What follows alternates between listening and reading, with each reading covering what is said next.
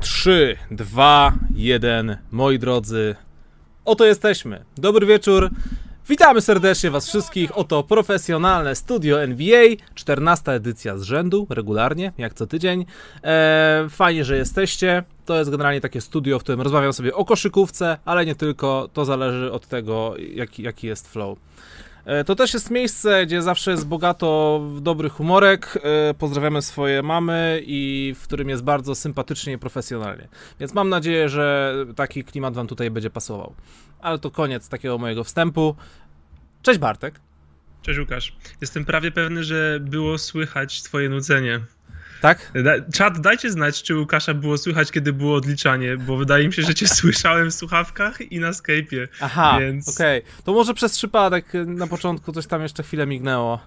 Super. A to widzisz. Jak tam Bartek e, dzisiaj po całym tygodniu? Jak tam? Jesteś zadowolony z Los Angeles Lakers może?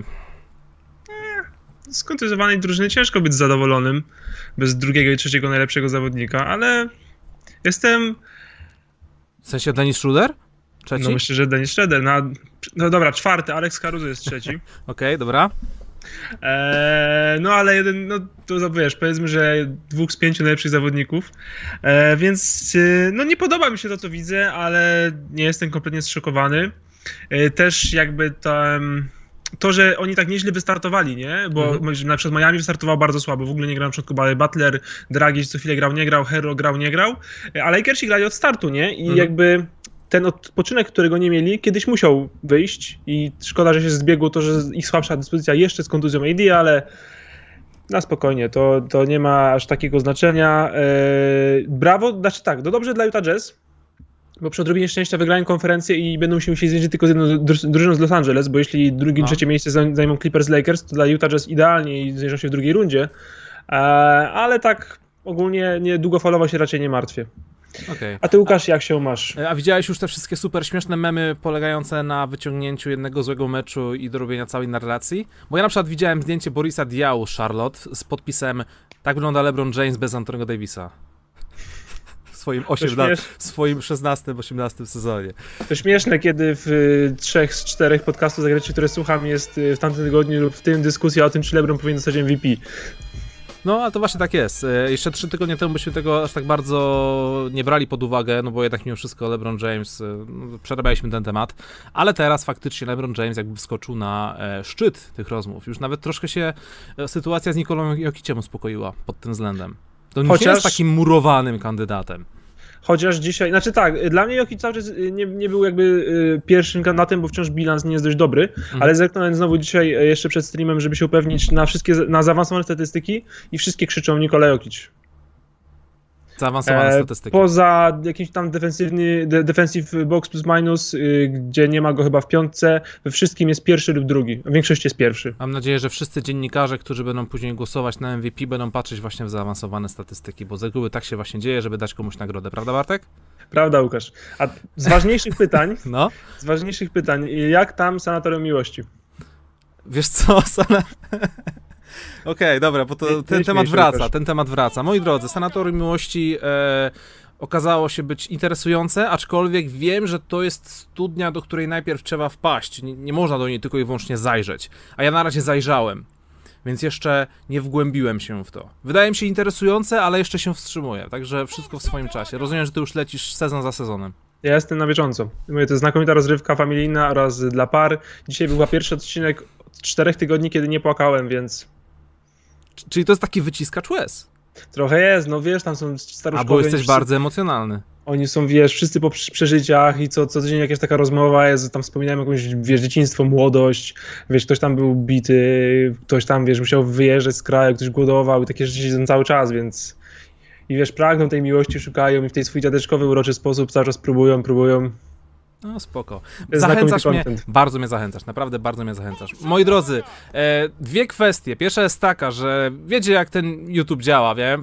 Generalnie byłoby super fajnie, jakbyście zostawili kciuka w górę, jak już tutaj jesteście. Tego, na ten moment, z tego co widzę, jest was ponad 800 osób, także jakby chociaż połowa z was zostawiła kciuka w górę, to na pewno byście nam bardzo, bardzo, bardzo pomogli w podbiciu statystyk i popłynięciu gdzieś tam dalej na YouTubie. A druga sprawa to to, że moja mamusia jest na czacie, także wszyscy w- na czacie zachęcam serdecznie do serduszkowania, ponieważ to zawsze, tu jest taki wiecie, sympatyczny, rodzinny klimat u nas na streamie, więc, więc zachęcamy.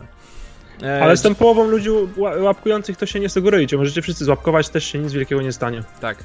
E, Widziałem, jedna osoba na samym początku streamu napisała, że a, bo to chodzi o łapkowanie do góry, bo ja po prostu siedzę przed ekranem z rękami do góry wys- wysuniętymi. Łukasz, to nie jest śmieszne, bo zrobiliśmy to samo przed 10 sekund przed rozpoczęciem Ale transmisji. nie widzieli tego, bo była plansza. To było tak jak coś, jakbyście nie widzieli, to ja wam mówię, że tak było. Też siedzieliśmy z kciukami przed ekranem po prostu.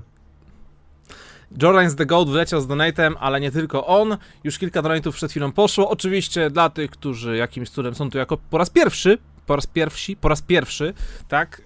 E, donaty działają w taki sposób, że zawsze na nie odpowiadamy po jakimś czasie. Na początku po prostu zbieramy pytania, gadamy na swoje tematy, pitu pitu, s- to co sobie przygotowaliśmy. Później robimy sobie segment właśnie z, z odpowiedziami e, na wasze pytanka, na wasze donaty, więc nie bójcie nic, e, nie zostajecie olewani w żaden sposób, tylko po prostu one się wyświetlają na bieżąco. Bardzo za to dziękujemy, ale na odpowiedzi to troszkę, troszkę, troszkę poczekajcie. Mam nadzieję, że będzie warto. No i oczywiście Noin. Pozdrawiamy e, e, aplikację Noin, która właśnie, która właśnie rozpoczęła nowy sezon. Właśnie rozpoczęła nowy sezon i Miałem dać ci jeszcze minutę i o to zapytać. Okej, e, rozpoczęła nowy sezon dla wszystkich, którzy nie wiedzą o co chodzi. To jest e, aplikacja typerska za darmo, to jest zabawa za darmo, gdzie można wygrać takie nagrody jak na przykład książeczki od SQN-u, e, słuchawki Turtle Beach, na przykład takie jakie tutaj mam, są naprawdę bardzo, bardzo kozackie, e, lub koszulki kip debitowe, więc jest o co walczyć. E, no i żeby dostać się do tej ligi, trzeba po prostu ściągnąć apkę i wpisać kod BOBAN, wtedy dołączycie do ligi. I z faktu, że zaczęła się, zaczęła się nowa runda, nowy sezon, tym razem postanowiłem grać od samego początku, nie zapomniałem obstawić pierwszego dnia, następnego dnia nas, i następnego dnia, kiedy wstałem, żeby sprawdzić wyniki, okazało się, że zaj- zajmuje miejsce numer 500 bodajże 20. Po I przez- wszystkiego? I przez chwilę się zastanowiłem właśnie, czy ja na pewno obstawiłem, może ja zapomniałem, może ja nie obstawiłem. Otóż nie. Otóż nie. A to Bartek jak idzie? Uprzedziłeś moje pytanie, ile dni bez obstawienia zaliczyłeś. Jak, jak skończyłeś w ogóle poprzednią edycję? Sprawdzę, ale coś około 200 chyba. Okej, ja cały czas 100, 150, gdzieś tak nie mogę ani wyżej, ani niżej, jak obstawiam. E, W sensie, że nie zapomnę albo nie jakichś takich spektakularnych faili nie zaliczę. No. Eee, no więc ja byłem tam około 120, 120 miejsca chyba, 166, jest- sprawdziłem, 166 mam. czyli jest was tutaj... Ale Gdzie to wygrałeś. muszę sprawdzić? Wiesz co, jak wejdziesz sobie w aplikację, ranking i masz takie strzałki na górze, możesz dać aktualnie albo dać do tyłu. Wow, nice. Który byłeś? 166, 80... Ja. Nie, c- 10. Boże, co ja garam. Tak, 166, 744 punkty. Dwa punkty więcej ode mnie, brawo Łukasz. Jesteś zwycięzcą. I to była trudna edycja, No. żeby być między nami.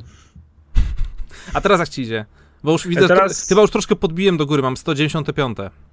E, 411. Dobrze ci idzie, Bartek. A to był jeden dzień chyba, nie? Pier- Tej pierwszej tej edycji. Otóż nie. Otóż, dziś, dzi- otóż były dwa, dzisiaj jest trzeci. Okej, no ja nie, nie, nie za bardzo miałem czas weekend, więc obstawiłem tak, wiesz, ale już jestem gotowy na prawie wszystkie kolejne dni, obstawiłem, wiesz, 7 dni do przodu, więc będzie dobrze. Teraz jest, jakaś, teraz jest jakiś, jakaś taka rzecz, że są autobety, można sobie kupić, jeśli ktoś jest zapominalski. Więc to też ewentualnie jest jakaś opcja. Dobra, słuchaj, ile ten stream już trwa? Pozdrawiamy Noin. Jeden, pozdrawiamy Noin, oczywiście, jesteście najlepsi. Eee, 11 minut. Jesteście najlepszym sponsorem, jakiego mamy. Tak. 11 minut streamu minęło, to jest chyba ten moment, w którym możemy zacząć rozmawiać o poważnych rzeczach. E, chyba wszystkie promocyjki, wszystkie ważne rzeczy wstępniakowe zaliczyliśmy. I jeszcze jedną rzecz tylko powiem e, z faktu, że można wygrać m.in. książki od SQN-a w aplikacji Noin. Właśnie się pojawiła nowa książeczka na rynku. Jakby ktoś chciał sobie sprawić prezencik, jest to e, reedycja kultowej już pozycji Denisa Rodmana powinieneś być już martwy. Nowa okładeczka, wszystko tutaj fajnie wygląda, taki, taki, taki trochę minimalizm. Nie wiem, świeci się logo byka na, na, na, na potylicy. To jest potylica, Bartek? To jest potylica. To jest potylica, dzięki Bartek. No, więc jest taka książka, możesz sobie kupić na labotiga.pl albo gdzieś tam, na pewno jak wpiszecie, to mam pierwsze co wyskoczy. Ja ze swojej strony ogromny apel mam do SQN-u, żeby po pierwsze dorwali prawa, jak już bardzo chcą wydać wszystkie książki, jakie powstały o Chicago Bulls, żeby dorwali prawa do złego do szpiku kości, ponieważ ta książka jest naprawdę, no, niedostępna praktycznie w Polsce, a nawet jakby była, to to tłumaczenie sprzed 20 iluś tam lat jest, no, takie nie do końca dobre, a z chęcią bym tą książkę w końcu dorwał. E, No i oprócz tego Kevin Garnett wydaje teraz nową książkę, więc wydaje mi się, że to na pewno będzie bardzo interesująca pozycja, gdyż mówimy o Kevinie Garnetcie, który raczej nie obawia się mówić tego, co tak naprawdę myśli, nieważne Ciekawe, czy wyjaśni w jaki sposób ta bluza z takim przykrótkim kapturem się tak bezbłędnie trzy, trzyma tył jego głowy, czy on używa kleju, czy one są po prostu szyte tak, że opinają jego uszy jakoś ciasno, jak on to robi, że siedzi, siedzi w tej, on zawsze jest taki, taki, taki tak, tak wszystko tak, tak, tak spływa po nim, tak kobieta też miał taki styl, takie właśnie sweterki, Mhm. wiesz, nie za, nie za luźne i tak dalej i on też tak właśnie w takiej bluzie, zawsze w tej swojej całej tam cage aria, coś takiego i zawsze ten kaptur ściśle przylega jego głowy i nieważne od tego, jak on się rusza, on nigdy nie jest, ja nigdy nie wiem, żeby spadł. Jeśli ktoś kiedyś widział, żeby KG, żeby kaptur KG spadł mu z głowy w trakcie programu, to proszę o, proszę mi to wyciąć i podrzucić. E, Jest coś takiego, co się zowie chropowatą łysiną i to jest taka moja definicja, którą sobie właśnie wymyśliłem. Polega to na tym, że masz takie włosy na maksymalnie 2 mm, 2 mm długości i one są jakby, mają taką, są przyczepne. Że jak Okej. zakładasz kaptur, to ci się to trzyma. I wydaje mi się, Nie no, że Łukasz, to jest powszechna wiedza, tysiąc, tysiąc, osób, tysiąc osób o tym wie. Okej. E, I oprócz tego KG Area zawsze mi się kojarzyło z jednym takim e, z przedziwnym występem, jak Kevin Garnett zaprosił jakichś tancerzy, którzy tak się wyginali w każdą stronę w taki sposób, że aż ci się niedobrze robiło, bo wiesz, wykręcali się w sposób, który nie jest naturalny dla normalnego człowieka, wiesz, wykręcanie łokci, szyi, kolana i tak wiesz, a zaraz się płamią, nie? Nie, nie zapomnę nigdy tego odcinka, jak Kevin Garnett po prostu patrzył na nich, gibał się oczywiście z tym swoim kapturem przyklejonym do głowy i wiesz, wow, jej, wow, jej, to był najbardziej hip-hopowy segment w całej karierze Kevina Garnetta, także polecam sprawdzić, jeśli jeszcze tego nie widziałeś. Robię tak. Okej, 14 minut minęło, jesteśmy już w stanie rozpocząć rozmowę o poważnych rzeczach? Jak tam, Łukasz, się podobała twoja rozmowa e, Czyli jeszcze u, nie. w strefie Hanasa? Jesteś zadowolony z siebie? Jestem zadowolony. czegoś z siebie. żałujesz? Uważam, że... Na pytanie na temat żałowania odpowiedziałeś bardzo wyczerpująco, jak na osobę, która niczego nie żałuje. Wydaje mi się, że to był, e, była najlepsza rozmowa, jaką udało mi się e, przeprowadzić z kimkolwiek, kiedykolwiek. W sensie jako gość, nie jako prowadzący, bo to jako prowadzący to wiem, że z tobą są zawsze najlepsze. Właśnie już Także- miałem obrażać, ale Także jestem... szczęście nie zdążyłem wypiąć kabli. Także jestem generalnie, jest, jestem generalnie zadowolony, fajnie, że Kamil mnie tam zaprosił, że sobie pogadaliśmy. Troszkę za dużo o tych grach było momentami, ale, ale ogólnie niczego nie żałuję. No i, fajne, co, jak- no i fajne pytania były ogólnie od widzów. Niektóre były takie dość zaskakujące, że wiesz, nie, no nie spodziewałem się, że nagle taki temat się pojawi. Jak Więc- Iverson, nie? Na przykład, jak kiedy biografia Iversona. Nie sądziłem, że Kamil Hanas zapyta mnie, kiedy będzie biografia Iversona. To, to już było co, zabawne. Dla mnie ten temat z grami rzeczywiście, w sensie e, nie poczułem tak, że był przydługi, a nie interesuje mnie prawie w ogóle, ale jak tak, wiesz, różne jakieś rozmowy na temat koszkówki gdzieś po polskim internecie hulają, to ten temat gier jest dość popularny, w sensie to jest chodliwy temat. Dużo ludzi rzeczywiście gra, grało w te, te, w te różne gry, szczególnie fanów właśnie, e, jakby właśnie które starszej NBA. E, myślę, że tak, pytania były spoko i nie, nie poruszyłem za bardzo na tego upływu czasu, trochę się zaczęło wolno, w sensie to były takie pytania, które właściwie mogłem przewinąć pierwsze 5 minut, bo wie, znamy odpowiedzi na te pytania, Mhm. ale, ale ładnie, solidnie. Musisz poprawić Łukasz nadgarstek. Ja nie wiem skąd się wzięły ten słaba forma rzutowa, ale czy brakło siły z nóg, czy, czy kolana Stary, wiesz co, ja, ja, czy byłeś wiedziałem, ja nierozgrzany. wiedziałem, że tak będzie. Słuchaj, opie, to nie była normalna piłka, tylko to był balon. To była taka piłka plażowa w zasadzie. I wiesz, masz taką piłkę, nie masz, wyczu nie masz wyczutej ciężkości, a zresztą co ja się będę tłumaczyć, kiedyś Kamil, cię, mi, kiedyś Łukasz, może że tak- Kamil też cię zaprosi, to się, to się przekonasz. Przykro mi Łukasz, że tak słabą piłkę dostałeś i uniemożliwiło ci to. Przykro mi. Byłem wczoraj, sobie poczytać na koszu, bo była perfekcyjna pogoda. E, Jest luty i jaram się, że zaczyna się wiosna. Mam przynajmniej taką nadzieję, więc e, wczoraj byłem na koszu i się bardzo cieszę i wydaje mi się, że cieszę się prawie tak samo bardzo, jak ty się cieszyłeś ostatnio, gdy grałeś częściej. Tak. Tak. Też się czekam, też czekam na wiosnę, ale jeszcze się nie palę e, i nie byłem na koszu w ostatnim tygodniu, więc nie mam takiego, wiesz, świeżego uczucia, bo niestety nie mogłem jechać w sobotę, ale myślę, że w tą sobotę się uda i koszkówka jest całkiem przyzwoicie fajna. Jest super. O Boże, Bartek, powtarza się, jak możesz mówić cały czas to samo, że koszykówka jest super. No, więc, więc, więc tak, no jeśli ktoś by chciał sobie sprawdzić tą rozmowę, to wpiszcie sobie strefa Hanasa Keep the Beat, to możecie sobie posłuchać, półtorej godziny pitu pitu mojego, e, kilka tematów lżejszych, kilka tematów poważniejszych, e, jeśli interesujecie się m, jakimiś tam historiami też, jeśli chodzi o polską koszykówkę, to tam wspomniałem kilka rzeczy, jak przebiegała moja współpraca dotychczasowa e, z, z na przykład jak, jak, to, jak to było z tymi finałami PLK 2019, które filmowałem. Wcześniej jakoś nie miałem okazji nigdy o tym powiedzieć publicznie, więc jeśli chcecie wiedzieć, jak to tak naprawdę było z mojej perspektywy, to zapraszam Strefa Hanasza, Hanasa, e, Polski Kosz.pl na YouTubie. Ewentualnie spodziewałeś się jakiegoś pytania tam, którego na przykład zawiodłeś się? O, ale chciałem usłyszeć od- odpowiedź Łukasza na ten temat na przykład. Eee, nie, ale też się jakoś nie powiem, że wiesz, że, że jakoś miałem to przemyślane, że czekałem, nastawiałem się czy coś po prostu. Ja tak, ja tak jak rzeczy podchodzę z e, czystą, czystą głową, tak wiesz, co się dowiem to fajnie, ale nie robię sobie wiesz, jakiś Stoicyzm. tak. Tak, trzeba praktykować stoicyzm chociaż trochę w życiu. Stoicyzm jest bardzo trudny. e, Nie z wszystkim się zgadzam, ale z większością się zgadzam, co stoicyzm e, to jakby wyznaje, więc warto czasem trochę potrenować. Tak, e, jeszcze jedną reklamę, wy, wybaczcie, naprawdę wybaczcie, ale jeszcze jedną reklamę tutaj muszę sprzedać. Z faktu, że mm, w tym tygodniu wleciały trzy filmy na mój trzeci kanał, bo jestem takim youtuberem typy NBA. Jeden kupon mi wszedł. Dla tych, którzy chcą sprawdzić sobie, jak ta wygląda cała ta moja zabawa z bookmacherką na BetClicku, to zapraszam na, typ, na kanał typy NBA. E, tam możecie sobie właśnie posprawdzać te kupony, potypować razem ze mną. No i jak wiadomo, jak, jak to wiadomo, z, tymi- z tymi kuponami e, raz się wygrywa, e, raz nie. Raz się przegrywa.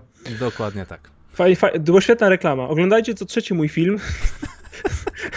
Ej, wiesz co, zupełnie poważnie, w styczniu byłem potwornie mega na plusie, bardzo dużo kuponów mi wchodziło, tylko jakoś ten luty jest taki, wiesz, wciąż jestem na plusie, ale to nie jest strasznie na plusie, tylko jestem ledwo na plusie, więc tak, widzisz.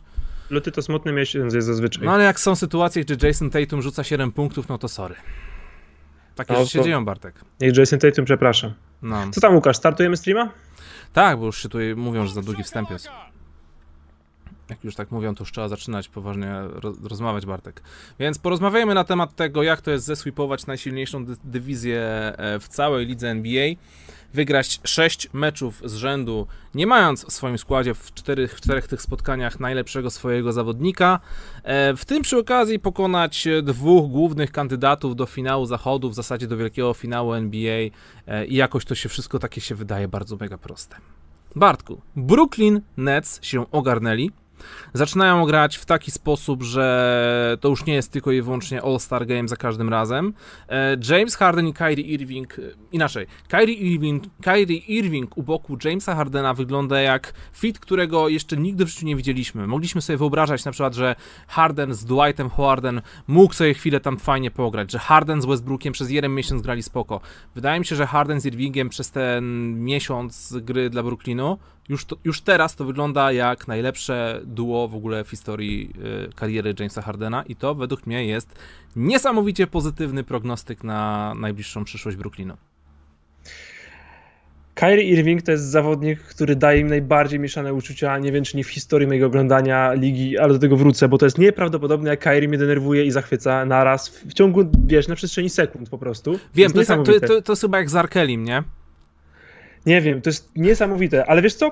E, tak, bo e, chciałem, sorry. chciałem, chciałem na, chciałem na tym streamie pochwalić Los Angeles Clippers Mhm. i pewnie bym to tak zrobił super, jakbyśmy ten, jakbyśmy studio nagrywali w sobotę, ale No. bo byli po zwycięstwie z Utah, ale teraz przegrali z Nets, więc teraz liczą się Nets, potem Clippers, Mm. ale chciałem też zauważyć, zanim wejdziemy głębiej w ten temat, jak strasznie Utah Jazz nas nigdy nie grzało, jak mamy ich w dupie strasznie, bo zobacz, oni wciąż wygrali 20 z 21 meczów, ale przegrali z Clippers, po czym Clippers zagrali z Brooklynem i są jakieś MVP talk, jakieś, wiesz, mistrzostwo i w ogóle i już widzisz, Bill Simmons mówi tylko o tym, o, Nets, finał NBA lekko, jakiś tam jeszcze ekspert ze Stanów, już nie pamiętam, a, tam Stephen A. Smith też rzeczywiście, Nets, mistrzostwo NBA lekko, nikt już, nikt już w ogóle nie pamięta o tym, że Utah Jazz gra w tej lidze i wiesz, czy są najlepszą drużyną, nieważne, są Nets, gwiazdy, Są Clippers, za mało seksowni, Bartek, są za Tak. mało seksowni i nawet my się na tym łapiemy. wielkie gwiazdy grzeją najbardziej i to jest absolutna prawda i naprawdę o największe gwiazdy chodzi. No i zobaczymy. No, powiem ci tak, ciężko. Brooklyn Nets wyglądają jakby mogli w ataku dostać w każdej akcji dokładnie to, co chcą. Mhm. Trzy kwarty tego meczu z Clippers wyglądały tak, że generalnie obie drużyny dostawały w ataku to, co chciały. Eee, tak po prostu łatwo, lekko, wiesz, Paul George brał piłkę, mijał, rzucał trójeczkę, wiesz, po, po, po, po wyrzucie z autu, w, w izolacji, Kawhi Leonard, Cyborg, wiadomo, cichy zabójca. E, z drugiej strony Harden brał co chciał, loby rzucał jak chciał, trójki z stepbacki w ogóle. I Kyrie Irving, no nie mogę po prostu wytrzymać, jaki... dzisiaj mu wpadało, nie, więc się był piękny i cudowny, ale mimo tego, że grali super mecz i naprawdę, wiesz, się też starali, tam Kyrie nawet nawet mądrze pofaulował z dwa razy, w sensie był ewidentny mismatch, e, byłby, wiesz, ja na czysty koszczy layup i Kyrie jakoś tam przytomnie e, sfaulował, ale w czwartej kwarcie były takie sytuacje, że wiesz, Clippersi ich dochodzili i ja mówię, dobra, uspokój, Nets się potrzebują uspokoić, zdobyć pewne punkty. Mhm. Buch, trójka z 8 metrów. Wiesz, trzy kozły, żadnego podania, żadnego flow, nikogo nie ma na zbiórce, palne sobie, nie? Ja mówię, nie, nie, nie, nie, nie rób tego, to są złe... I tak sobie, wiesz, oglądałem czwartą kwartę i tak sobie po, będę patrzył na Kyrie Irvinga i myślał, dobra decyzja, zła decyzja. I tak oglądałem w ataku i tak, zła decyzja, zła decyzja, nie o piłki w ataku, zła decyzja, dobra decyzja, zła decyzja, dobra decyzja. E, to brzmi, tego? wiesz co, to, to zupełnie poważnie teraz mówię, to brzmi jak pomysł na jakiś fanpage albo Twitter osobny, czy Kyrie Irving podjął dobrą decyzję? Tak. I jednocześnie... I, wiesz, i po prostu mówisz, dobra, zła, ty tweetujesz na żywo, dobra, zła, dobra, zła i to jest jedyna rzecz, jaką piszesz. Kiedyś tak. był podobny fanpage odnośnie Larego Hughesa. Więc, y, Ale wiesz, to jest dobry pomysł. było tych sześć posiadań, gdzie podjął dwie dobre decyzje, raz nie miał piłki, trzy razy powiedział złe i to było 12 punktów w sześć posiadań. Mhm. Czyli najlepszy atak w historii ligi. No tak to wygląda. Ale widzisz, na przykład jak jest taka zła decyzja, e, to zauważ, że DeAndre Jordan zaczyna się coraz bardziej tutaj odkrywać i widać, że przeciwko takim Clippersom bardzo chciał się dobrze pokazać. Widać, że cały czas łypie na tych, na, na Balmera, łypie na, e, na resztę składu Los Angeles i chyba wydaje mi się, że tak bardzo chciał się po prostu mm, pozytywnie przy nich zaprezentować. I pod koniec właśnie czwartej kwarty na przykład był jeden szalon rzut Kyriego Irvinga, który wyglądał zupełnie jakby chciał wygrać mistrzostwo NBA przeciwko Golden State Warriors po swoim stepbacku. I no przestrzelił, no okej, okay, przestrzelił, nie? W finałach by trafił oczywiście Kyrie Irving, no to wiadomo, żeby w finałach trafił, ale jak DeAndre Jordan się ładnie odnalazł i stipował tą piłkę od deseczki i były dwa punkty, nie? A właśnie, bo zapomniałem, bo miałem pochwalić też Kyrie Irvinga i zapomniałem, znowu bym tylko skrytykował. No. E, biorąc pod uwagę wszystko to, co powiedziałem, mając to wszystko na uwadze, Kyrie Irving jest najbardziej kreatywnym gościem. Jezu, jak, jak można mieć tak gigantyczny talent, czysty, wiesz, koszykarski, indywidualny talent, mieć taką koordynację nieprawdopodobną, taki miękki touch, floater z obu rąk, kreatywność przedręcznie niesamowita i tak mnie, tak denerwować tak denerwować. Zaawansowane statystyki, nie wiesz, wpływ na wygrywanie wątpliwy, ale to jak on pięknie kończy przy obręczy obiema rękami, jak jest kreatywny, e, wiesz, kiedy kozuje nisko piłkę, jest przodem do kosza, to jest po prostu, no, to po prostu poezja czasem, ale to jest taka poezja, że chciałbym, wiesz, wyciąć, nie wiedzieć co to jest za mecz, nie widzieć wyniku, tylko zobaczyć te akcje Kairego, pewnie bym się zachwycał, pewnie był moim zawodnikiem, ale jak widzę mecz, widzę wpływ na wygrywanie, widzę też obronę, to już tak nie jest. Ten typ mes kiedyś fajną rzecz przedstawił, wydaje mi się, że to by pasowało do Kyriego Irvinga, że on jest jak piękny film bez dźwięku. No, no to jest naprawdę kurczę, no bo miał naprawdę magiczne posiadania i on praktycznie w każdym meczu ma takie ma, kiedy tylko gra, nie? Ale ma też takie, że właśnie oglądam i zła decyzja, zła decyzja, nie o piłki, za decyzja. Okej, okay, dobra. Mówimy o Kyrie Irvingu. Mówimy o tym, że Kevin Durant nie zagrał. Mówimy o tym, że James Harden świetnie się odnajduje jako playmaker u boku właśnie Kyriego Irvinga, który się odpala jako, nie wiem, współczesny Allen Iverson.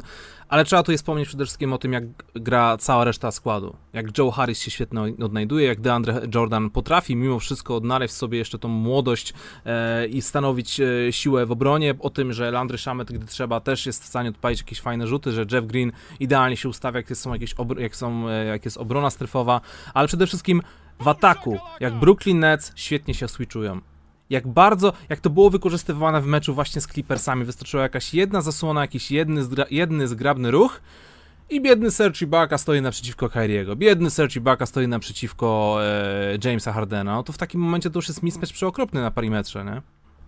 No... I oni to skrzętnie wykorzystywali. I to grali dzisiaj, wiesz, 6,5 osobową rotacją, nie? Bo przecież nie grał KD.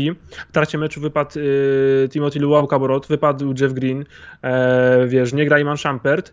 E, I ta, no i wiesz, ta seria wygląda super. No pojechali przecież po, no zesweepowali y, dywizję atlantycką, która ma więcej drużyn na plusie niż cała konferencja zachodnia, wschodnia, tak, bo przynajmniej dwa tygodnie temu nie sprawdzałem teraz, więc może to już tak nie do końca, ale wiadomo, mm -hmm. najmocniejsza dywizja w NBA.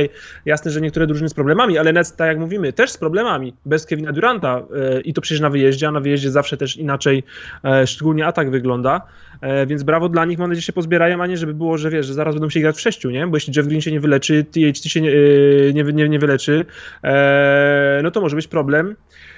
No i co, fani Nets? Módlcie się, żeby Andre Drummond dostał buyout. Chcesz Bo, tam? Wiesz co? Nie wiem, czy chcę. Chcę centra, który jest centrem i nie ma 115 lat. E, ja się e... zatrzymałem na, czym, na tym, że Drummond był przymierza, przymierzany do Toronto Raptors i pod tym względem rozumiem, że nic się tam dalej nie wydarzyło. To miał być trade, nie? Ale ja mówię, zakładam jakiś buyout, no bo, bo no, Brooklyn Nets nie mają jak handlować po taki kontrakt, więc muszą liczyć na jakiś buyout, ciekawy. No. E, ale wiesz co? Nets mają słabą obronę, maksymalnie przeciętną, ale atak mają niebotyczny i wiesz, i wiesz, tak mówiliśmy, no nie mają centrów, nie dają sobie rady w obronie, oni switchują, walczą, starają się w miarę yy, i jasne, przykrywają zbiórkę bardzo często, ale nie ma takich meczów, że mówiliśmy, o, nie będą w stanie zebrać piłki i będzie, wiesz, będą zbiórki w meczu 60 do 30 i będzie jakieś takie, wiesz, 40, 50 do 25, takie okropne dysproporcje. Nie ma tego, nie jest to punktowane aż tak, Eee, ale no myślę, że w playoffach będą, będą, będą drużyny, które naprawdę im wypunktują ten brak zbiórki, więc myślę, że muszą to wzmocnić, nawet jeśli teraz nie wygląda to tak źle. Eee, więc ogólnie naprawdę wyglądają jakby mieli sufit. Bill Simmons to dzisiaj powiedział właśnie, że ich sufit jest, że mają najwyższy sufit eee, z konferencji wschodniej, ale w tym momencie no, raczej nie mają zbyt wysokiej podłogi. Mhm. No zobaczymy, zobaczymy jak to się rozwinie. Ja myślę, że powinni, powinni co najmniej jedną osobę ściągnąć pod kosz, i przez to, że mają tą serię zwycięstw i grali z Clippers w pełnym składzie, prawie w pełnym składzie, to zaczynam zaczynam ich widzieć jako, jako, jako kandydata do gry w finale. I patrz, to jest, wiesz, patrz, jak to wszystko, patrz, jak to się wszystko pozmieniało. Jak na samym początku mówiliśmy, że będą wygrywać głównie na bazie swojego talentu, a teraz okazuje się, że wystarczył miesiąc, żeby jakiś tam system już poukładać. Steve też robi robotę nie wiem ile w tym Steve'a Nasha, być może, być może więcej niż, niż nam się wydaje albo niż się spodziewamy, bo, bo jakoś tam nie ma dużo komentarzy wokół jego pracy, ale tak, ale drużyna wygląda nieźle, jakby właśnie o to chodzi, że, że jeśli, jeśli Kyrie mm, kupił ten system, kupił swoją rolę jako dwójka, Harden kupił swoją rolę jako jedynka i jakoś też z, z, z, z Kevinem Durantem i chociaż przeciętną obroną będzie to wyglądać, no to w sumie o to chodzi, nie? Jeśli masz, jeśli jesteś trenerem e, drużyny, która ma taki duży talent, to nie, jest, nie masz być, wiesz, ekspertem od zagrywek, wiesz, tych dzieci, te, te dzieciaki tam ogarniać, wiesz, wołać im cały czas, co mają robić, yy, jakoś zatrenować ich, masz zadbać w sumie o atmosferę w szatni i jak masz takich zawodników w ataku jak Harden, KD, Kyrie, to tak naprawdę nie musisz prawie nic robić. Atak powinni rozkminić sami. To jest jak, jak, jak, jak to, że masz LeBrona Jamesa na boisku, nie musisz mu organizować ataku. LeBron James mhm. to jest twój atak, on ci zorganizuje atak i nie potrzebuje twojej pomocy praktycznie, bo, bo, bo on reaguje na bieżąco na to, co robi obrona. Y, tak jak mówił y, Erik Spelstra ostatnio w komentarzu, że, że oni robili usprawnienia do usprawnień w playoffach, ale LeBron reagował na usprawnienia na usprawnienia, więc chciał go zblefować i nie robić usprawnienia, ale LeBron to przejrzał, więc nie zrobił tak samo usprawnienia do, nie, usprawnienia, do usprawnienia, którego nie zrobili. Chyba rozumiem, Bartek, chyba rozumiem. Tak to jest i takich zawodników w lidze jest, wiesz, on, y, Chris Paul, nie wiem, może Luka Doncic będzie w tym miejscu, nie wiem, czy tak kompletnie jeszcze jest, ale wiesz, sumaryczny talent, y, sumaryczna inteligencja y, Kyriego, KD i Hardena też ci zapewnia, po prostu masz atak, masz ich trzech na boisku i masz atak i to nie jest byle jaki atak. Ja tylko wspomnę, e, że Brooklyn Nets e, w ciągu ostatnich sześciu spotkań wygrali wszystkie sześć spotkań i trójeczki na poziomie 43%, skuteczność na poziomie 51,5% i jest to w ciągu, przynajmniej jeśli chodzi o sześć ostatnich spotkań, drugie, drugi najlepszy wynik um, w całej lidze, bo na pierwszym miejscu są Phoenix Suns, którzy mają w ostatnim okresie 5 zwycięstw i jedną porażkę. Więc e, tutaj też wygląda to wszystko naprawdę bardzo fajnie kolorowo, ale o nich się troszkę mniej mówi, no bo nie są tacy seksowni jak Brooklyn Nets, prawda? Prawda. E, ja jeszcze tylko na sam koniec powiem, e, że faul ofensywny Kawhi Leonarda to był majstersztyk w wykonaniu Jamesa Hardena, czyli gościa, który naprawdę świetnie umie wykorzystywać taką sytuację. To był ewidentny faul, według mnie przynajmniej, Kawhi Leonarda, aczkolwiek trzeba przyznać, że James Harden przyaktorzył strasznie, żeby sprzedać to jak najbardziej sędziom. Więc ja bym tego nie gwizdnął. Dla mnie to nie był faul. A czy wiesz, no w, w pewnym sensie jak są jak, jak są ostatnie sekundy spotkań, jak się ważą losy meczu, to takich fauli się aż tak bardzo nie gwiżdżę w tych ostatnich sekundach, bo to wtedy później budzi bardzo dużo różnych e, kontrowersji. Ale przez to, że właśnie James Harden, wiesz, odskoczył w swoim hardenowskim stylu i sprzedał to i zostało to zagwizdane, według mnie to było naprawdę, to, to było high basketball IQ. E, I w, tym, I w tym momencie też trzeba byłoby powiedzieć jedną rzecz, e, o której ja osobiście nie mam tutaj zdania, bo nie wiem, co byłoby bardziej właściwe. To jest pytanie do Ciebie, Bartek. Paul George nie grał w ostatnich minutach spotkania, dlatego, bo Clippersi stwierdzili ze względu na jego sprawy zdrowotne, żeby limitować jego minuty. Gdyby Paul George został na tym boisku, być może do tej sytuacji by nie doszło, bo Kawhi Leonard nie musiałby forsować każdej akcji. E, być może w ogóle Clippers, Clippersom udałoby się odskoczyć troszkę bardziej i Netsi by przegrali. I w takiej sytuacji, wiesz, czy, czy, czy, czy, czy to był właściwy ruch? Jeśli jego zdrowie... Żeby, go nie grać? żeby, go, żeby nie było... nim nie grać? Wiesz co, ja, no, ja się bardzo dziwiłem, oglądałem ten mecz i mówię, co, czemu on tu w maseczce, więc chyba nie wraca, co się w ogóle dzieje, patrzę ile fauli, no nie. Eee, wiesz co, zdrowie jest najważniejsze, sezon regularny to jest zawsze mało, szkoda tego meczu, eee, ale wiesz co, myślę, że Clippers mają, mają nad czym myśleć, bo Wygrali z Utah, z Utah Jazz, to jest super i to w pełnym składzie, bo wrócił na ten mecz Mike Conley, chociaż oczywiście można dyskutować, czy powrót e, zawodnika po takiej przerwie bardziej rozstraja drużynę, czy ją wzmacnia. Mm. Miałem chwalić Clippers, obejrzałem ich dwa mecze w weekend e, i chcę ich w sumie pochwalić, bo chcę powiedzieć, że są realnym kontenderem, ale też pamiętam, co mówiliśmy wielokrotnie, że nie oceniamy ich sezonu regularnego, zobaczymy w playoffy, ale żeby nie było, że tylko ich hejtuje. Łukasz, odpowiedz na pytanie, kto kończy mecze obok Kawaja i Pola George'a? Mm. Kogo byś wystawił? Jaka jest ich kończąca mecze piątka? Nie wiem, Serge Ibaka? No, to jeden. Żeby była jakaś tam mobilność? No, ja to też myślę, że Sergi Baka może tam być. Beverly odpada. Tam brakuje tego rzutu. Beverly w tym sezonie rzuca ponad 40%, ale e, wiesz, w meczach, w których gra i się nie wyfauluje. No, masz jeszcze, masz właśnie, masz Beverleya, masz Lou Williamsa, masz Markusa Morrisa, masz Luka Kennarda. Luke Kennard nie. No, Kennard no dobra. Nie. Już prędzej Marcus Morris. Okej, okay, Marcus Morris, Ibaka, Kawhi, y, Paul George. I rozgrywający, którego muszą pozyskać przed trade deadline'em. No właśnie, bo teraz w tym momencie wybierasz z Reggie'ego Jacksona, Lou Williamsa i Patricka Beverleya. No. I o to chodzi. I jeśli masz Markusa Morrisa i Serge'a Ibakę koło, koło y, George'a i Kawaja, ta pił piłka nie chodzi w ataku. To nie ma żadnego flow w ataku. Nikt tu nie, nie rozgrywa, nikt tu nie szuka podania, nikt tu nie kreuje. Bartku. Y, Paul George, Sorry, Kawhi Leonard, Marcus Morris grają pod siebie. Mhm. Serge Ibaka dostaje piłkę, rzuca, nie robi nic więcej. On po prostu rzuca, dobrze rzuca. Eee, o, jeszcze przepraszam, dobrze Wojtek tutaj poprawia, po, po, pomaga na, na, na czacie, jeszcze jest Nikolas Batum. No ale to jest Nikola Batum, który rok temu wygląda jak trup. Eee, no, Nikolas Batum to też jest trochę taka niepewna postać na ten moment, nie? Może mieć tak. przebłyski, ale może mieć mecze, w których e, no, nogi się wloczą za nim.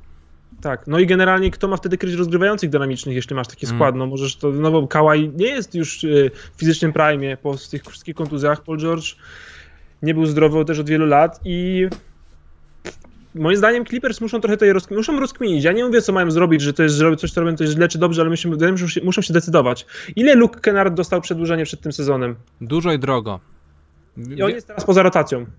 No właśnie, to, to był trochę kiepski wybór. On jest poza rotacją, on, tak on ma DMPs. On 56 y, milionów y, plus 8 bonusów, czyli 64 miliony na 4 lata.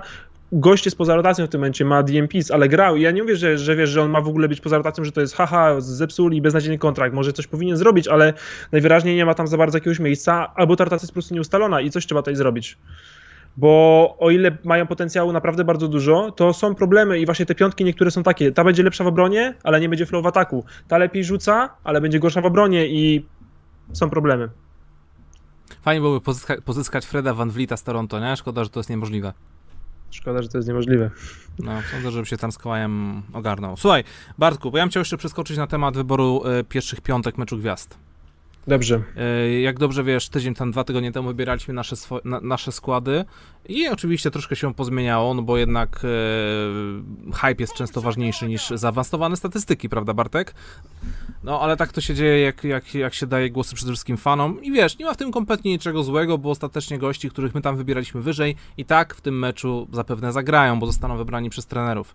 Ale Powiem ci, że jak zobaczyłem na samym początku, że taki Kyrie Irving wlatuje do pierwszej piątki kosztem e, kogo tam, Hardena bądź e, Jalena Browna, to myślałem sobie, okej, okay, dobra, tu chodzi po prostu o fanów. Kyrie Irving ma ogromną rzeszę fanów, gdzieś czytałem jakiś artykuł, że e, Kyrie Irving jest e, fanem przede wszystkim takich młodych nastolatków, że, że wiesz, młodzi, młodsi fani koszykówki, 14-15 lat uwielbiają Kyriego Irvinga. Okej, okay, jestem w stanie to całkowicie zrozumieć, ale właśnie po tej serii zwycięstw 6-0 Brooklyn Nets, po tym jak Kyrie Irving się fajnie odnajdywał na boisku, zacząłem się powoli zastanawiać, że może to w sumie nawet dobrze, że jest tym starterem. Brooklyn Nets są na drugim miejscu wschodu. Wiesz, wyglądają naprawdę świetnie. I jeśli utrzymają taki poziom, to oni, tak jak przed chwilą wspomniałeś, e, wyglądają na głównego kandydata do finałów ze wschodu, nie tacy Milwaukee Bucks czy Boston Celtics. Bucks? Ba no, Bucks, Bucks nie chcę rozmawiać. Nie chcę, Bucks nie, nie, wyglądają nie, nie chcę o, o, tym rozmawiać, Bartek. Bucks nie wyglądają jak byli tyle bliżej finału konferencji niż rok temu. Czy po ogłoszeniu pierwszych piątek i po zobaczeniu tego, co ostatnio wyczynia Brooklyn Nets, yy, dalej uważasz, że Kyrie Irving powinien wlecieć e, maksymalnie na rezerwę? Bo ja na przykład, tak. ja pamiętam jeszcze dwa tygodnie temu nie sądziłem, że w ogóle się nadaje na rezerwę, a kurczę, patrz jak się to wszystko zmienia, nie? Ja tak, ja, ja go miałem na rezerwie i na tej rezerwie go bym wciąż trzymał, bo to jest wciąż 10 meczów versus 30 Jalena Browna, e, ale z powodów, o których powiedziałeś na początku, to jest dobry wybór, bo to chodzi też e, takie stare dziady jak my, nie jarają się meczem gwiazd, wiesz, nie będziemy zarywać nocki, żeby go oglądać, wiesz, nie będziemy kupować koszulek z niego czy coś. Raczej właśnie pewnie tacy fani Kairi, w sensie tacy, wiesz, młodsi fani, którzy nie widzieli dużo All-Starów, którzy, wiesz, jarają się tymi gwiazdami, dopiero się może uczą koszykówki yy, i nie patrzą może tak bardzo, albo po prostu fani, którzy nie patrzą na zaawansowane statystyki, albo tylko po prostu na to, czy im się koszykówka na ekranie podoba lub nie. Yy, nie, czy ktoś haruje ciężko w obronie, przecież tacy fani też są i to też jest w porządku, nie? Koszykówka jest dla, dla każdego. Yy, I taki Kairi pewnie zapewni więcej rozrywki i więcej widzów takiego meczu, a przecież wiemy, że NBA robi to dla pieniędzy, nie? E, więc ja myślę, że biorąc pod uwagę, jaki według mnie jest cel meczu gwiazd i jak wygląda ta konwencja, to Kyrie Irving jest znakomitym wyborem do pierwszej piątki, ale koszykarsko, jeśli byłaby to moja decyzja, to wystąpiłby tam e, Jalen Brown. Luka Doncic. Damian Lillard. Ja wciąż pamiętam początek sezonu. E, czekaj, czekaj, bo ja nie pamiętam. Czy ty do pierwszej piątki wybrałeś Doncicie czy Lillarda? Musiałbym sprawdzić, ale jeśli wybrałem do, do dzisiaj, to, to się pomyliłem i bardzo powinienem tego żałować, ale wydaje mi się, że... Znaczy, wiesz, ja jestem fanem Lillarda, wątpię, że wybrał Doncicia, bo wciąż pamiętam mecze, które Doncic przegrywał. Pamiętasz to 3-7? Lillard... No, dobra, mów. 3-7. Eee, wiesz co, mam, listę, mam swoją listę, eee, wybiera, miałem 12 osób, nie miałem piątek, ale czytam od góry. Lillard, Kary i yy, Doncic. To są moje trzy pierwsze nazwiska wypisane. No. I, ale to była kolejność losowa, ale to są moje pierwsze nazwiska wypisane.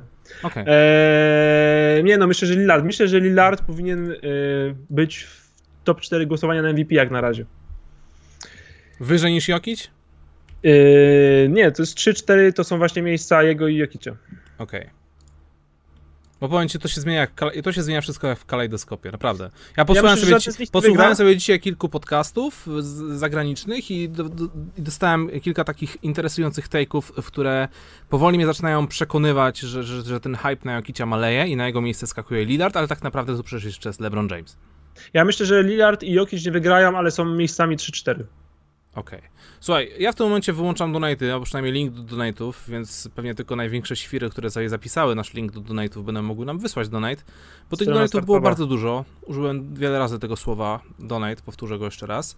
Na ten moment może, może po prostu wlecimy sobie z naszym kącikiem typerskim. Mamy jeszcze kilka innych tematów o NBA do obgadania. Coś mi się wydaje, że się pojawią razem z Flow z pytaniami od widzów.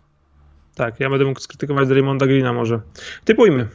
Dobrze. Także, moi drodzy, profesjonalna aplikacja typerska no i zachęca do wspólnej zabawy za darmo. Jakie dzisiaj mecze są? Co jest dzisiaj interesującego? Jakaś drużyna wyjechała z Teksasu w końcu, Dallas Mavericks, zobaczymy, czy na przykład będą jakieś brody, wiesz, sople lodu z nosów, czy mogą grać w ogóle. Okej, okay, więc Dallas i Memphis Grizzlies.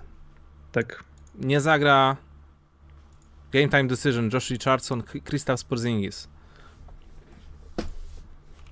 A Memphis jest strasznie, strasznie zmęczone. Memphis grało strasznie dużo meczów, bo oni nadganiali e, te, które im tam przypadały przez protokoły e, covidowe i no. ja tutaj obstawiam Dallas, bo wydaje mi się, że Memphis nie miało dwóch dni przerwy chyba od dwóch tygodni.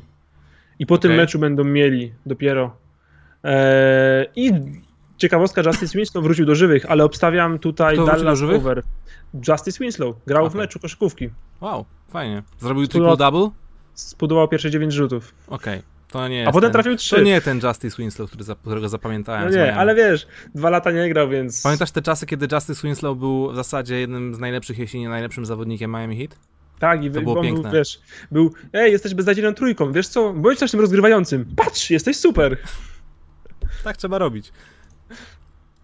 Trzeba po prostu odnajdywać rolę dla zawodnika, w której się odnajdzie. I tyle. Dlatego Jeremy Grant na przykład jest taki super Detroit. Dobra, por, e, ja, jeszcze mój typ, to też ważne. E, Dallas i dajemy, te, daję over. Czyli w sumie to, co- to, to co ty, nie? Tak, zgadzamy Dobra. się tutaj. E, Kolejny mecz, Portland Trail Blazers, Phoenix Suns. Tutaj taka dygresja. Jak byłem w strefie Hanasa, my to nagrywaliśmy dwa albo trzy tygodnie temu, nie pamiętam dokładnie. E, Jeśli chodzi o największe mm, rozczarowania tego sezonu, wspomniałem właśnie Portland Trail Blazers, bo pamiętam jak się wszyscy zachwycaliśmy tym e, nowym składem, jakie zrobili ruchy fajne między, między sezonami, po czym rozpoczęli ten sezon bardzo źle. I co się okazuje, w ciągu tych dwóch tygodni Portland się ogarnęli. Pomimo kontuzji Nurkicia i CJ'a McColluma znowu wygrywają mecz za meczem i na ten moment są na którym miejscu? Czwartym bodajże na zachodzie, jeśli dobrze pamiętam. E, tak, są chyba 19-10. Przepraszam, piątym, 18-11. 6-11. E, 62% zwycięstw, także na takim wschodzie byliby lepsi od Milwaukee, nie? A ich, z, ich backup centrem jest Carmelo Antony w tym momencie. Jest, Carmelo freaking Antony. odnajduję w tym humor.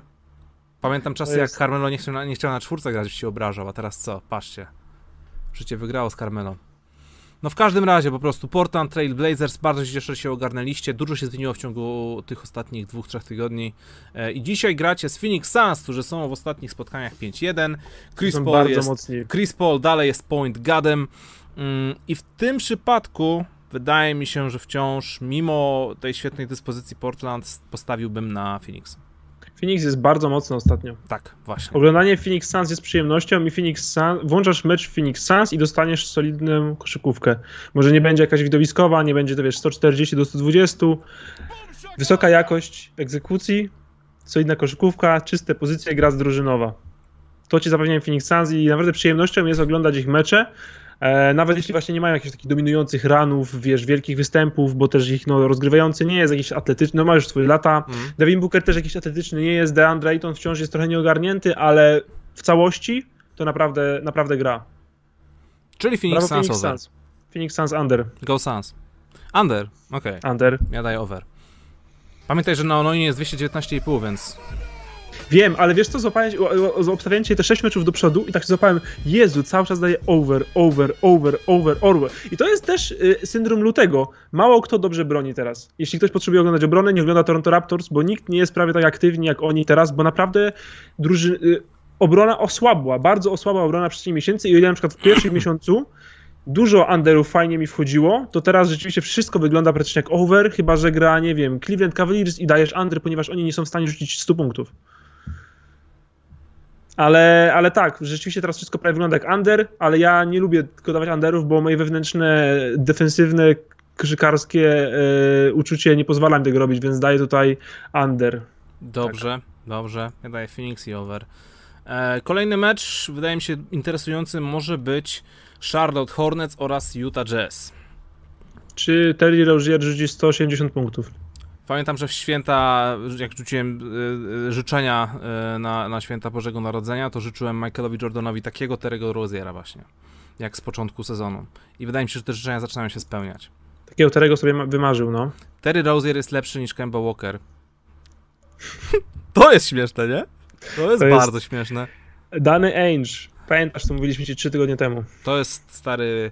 To jest śmieszne i straszne trochę jednocześnie. Ja wiem, że to jest wszystko kwestia tego, w jakiej roli się znajduje dany zawodnik i może jakby Terry Rozier został w Bostonie, a Kemba by został w Charlotte, to może wyglądałoby to tak jak do tej pory, no ale wiesz, mimo wszystko. Patrzysz na dyspozycję Roziera teraz, patrzysz na dyspozycję Walkera teraz i się zastanawiasz, co to się cholera podziało. No i za dwa lata jeden z nich będzie lepszy, a drugi z nich będzie trochę słabszy. I odpowiedź na to pytanie, kto jest kim tutaj, jest bardzo prosta. Bo jeden ma dwadzieścia kilka lat, a drugi ma kontuzję, historię kontuzji kolan i jest po złej stronie trzydziestki. Utah Jazz under. E, Utah Jazz over.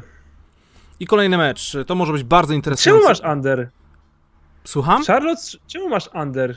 Charlotte są gorący, Utah Jazz śmiga, Myślisz, że, wpadają, myślisz, że te loby Lamelo będą lat, latać nad głową Rudiego Goberta? A nie muszą. Trójeczki będą śmigać po obu stronach. No, no, Terry może Rozier, tak. Dobra, dajesz over. słuchaj, stary, bo to jest na, na samym końcu zostawiłem wisienkę na torcie, to może być bardzo wyrównane spotkanie, może, mogło, może się nawet skończyć dogrywkami, więc y, to może być bardzo ciężkie. Waszyngton czy Los Angeles Lakers? Jak myślisz, Bartek? Wiesz, wiesz, że obstawiłem... Obstawiłem drużynę z serią czterech zwycięstw pierwszy raz od 115 lat. Okej.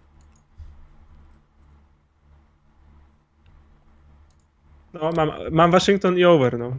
Co ja ci powiem. LeBron James jest game time decision, jakby co? To jest ważna informacja. To jest game changer. No. Nie, no to mam Waszyngton i over. Ja myślę, że Lakers powinni wziąć tydzień, powinni napisać do Adama Silvera poprosić o tydzień wolnego. Kostas Antetokounmpo też.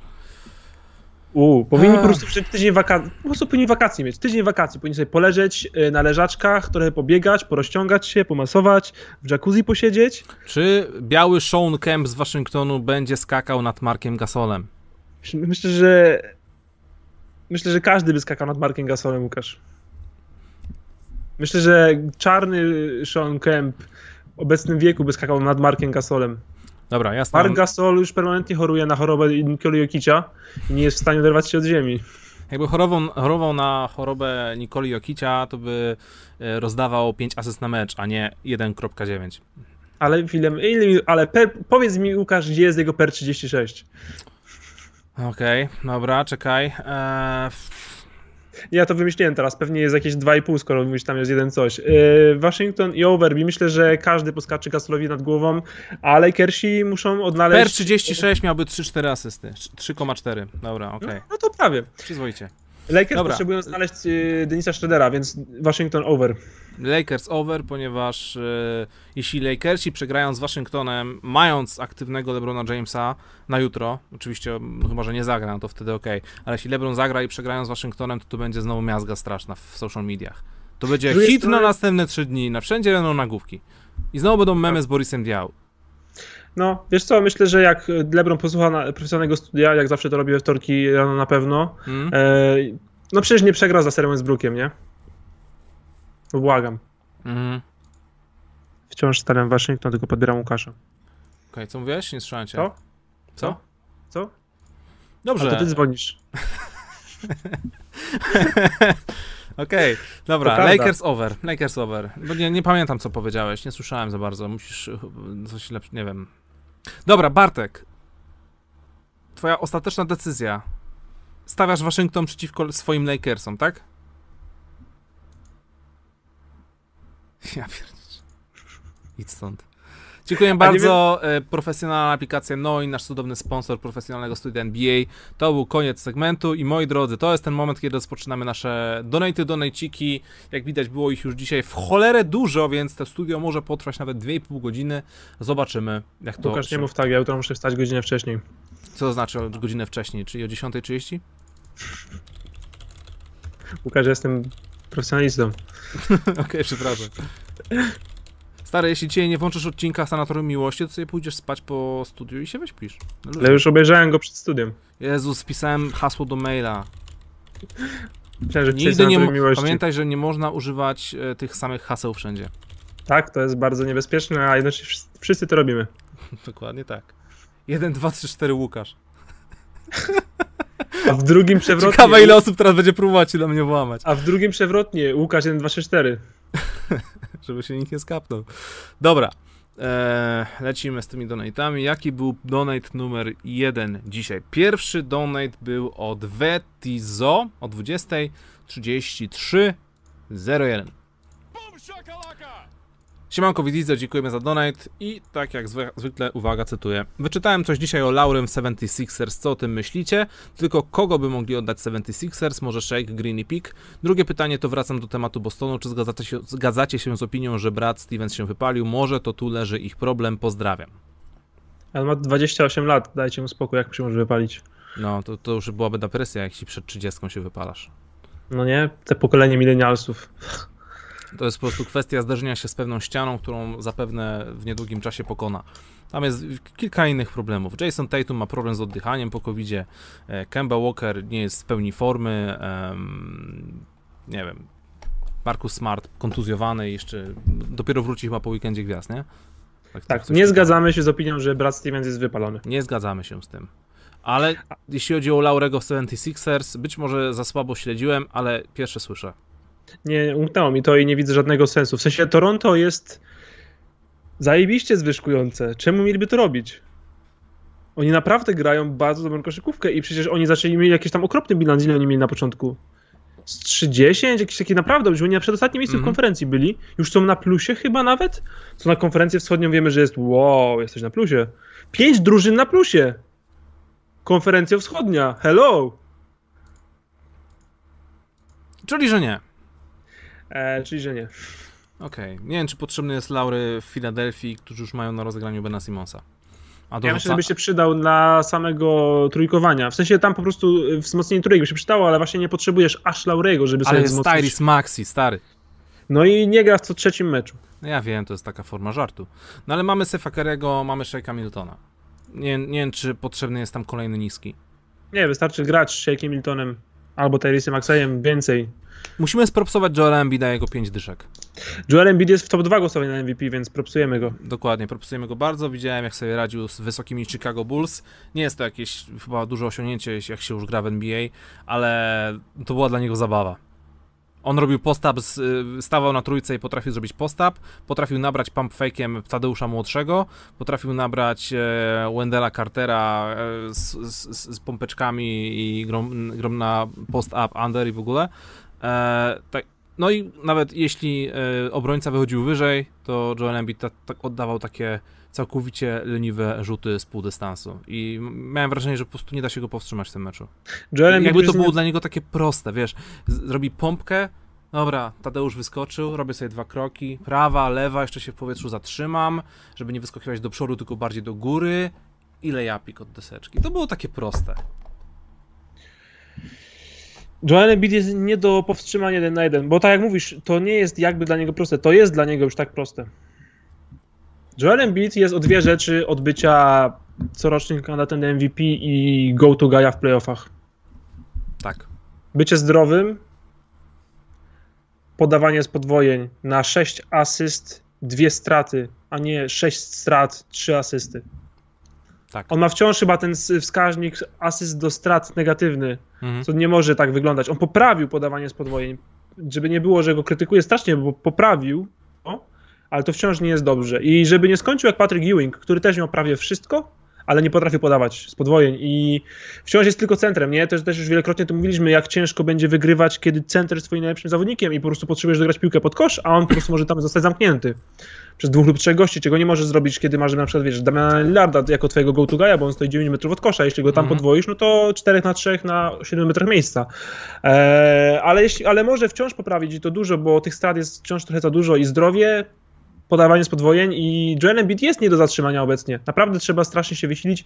No i musisz delegować drugą osobę, więc tak naprawdę to drużyna nie może od niego wymagać więcej. Jeśli zawodnik zapewnia ci op mm, opcję grania 4 na 3, nie możesz o więcej go prosić. Tak jest.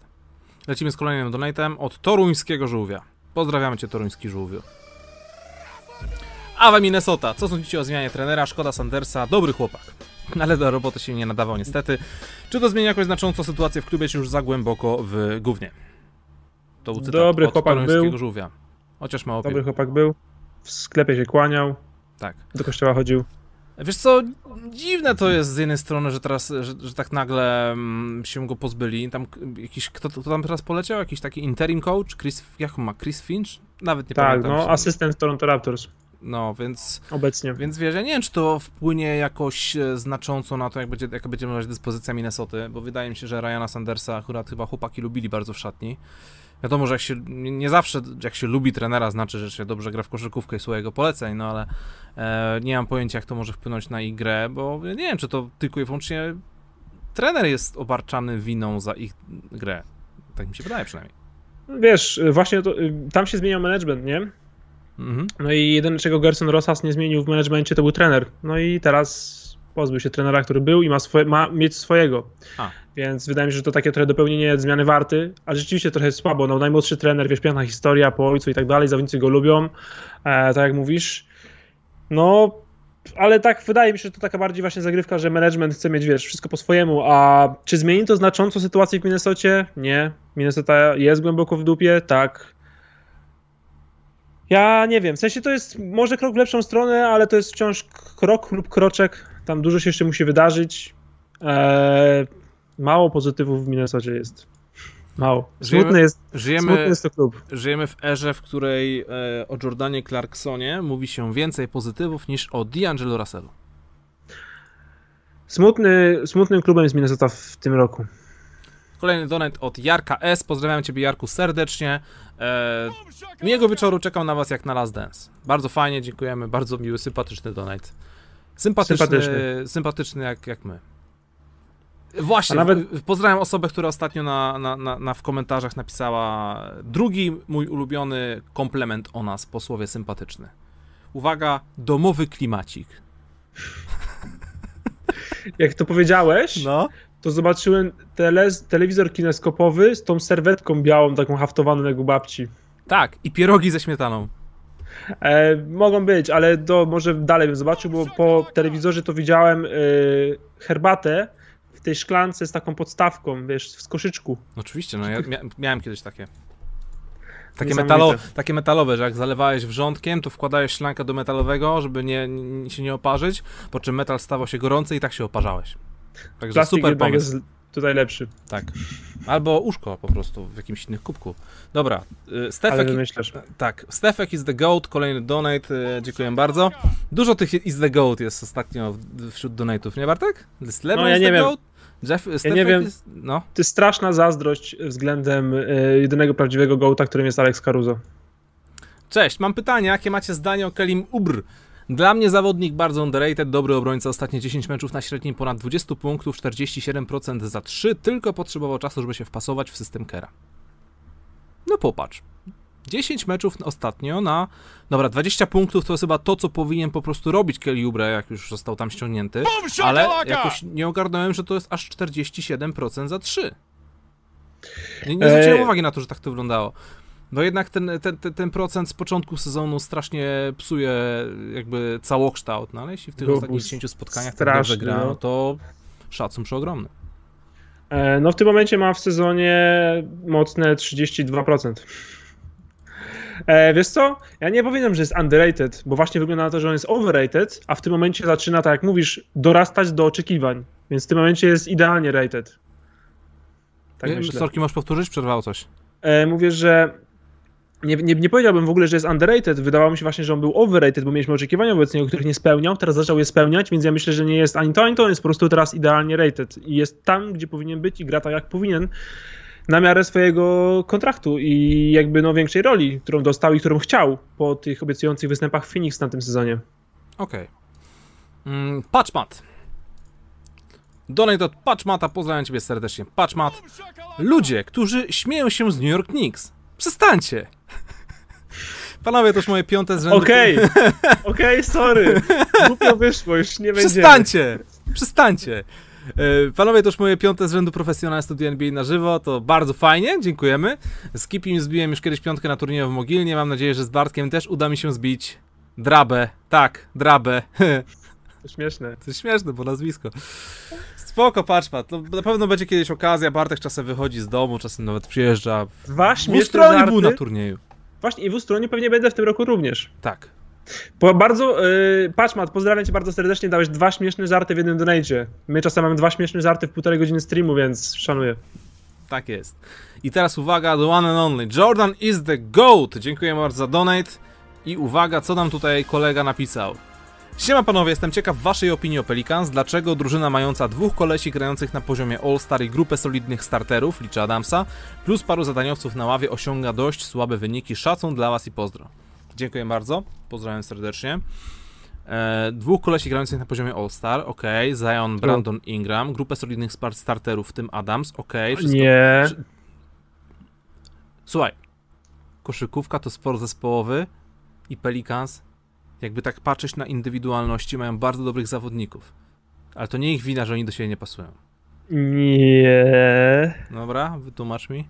Łukasz, ilu jest porządnych starterów na poziomie NBA w tej drużynie?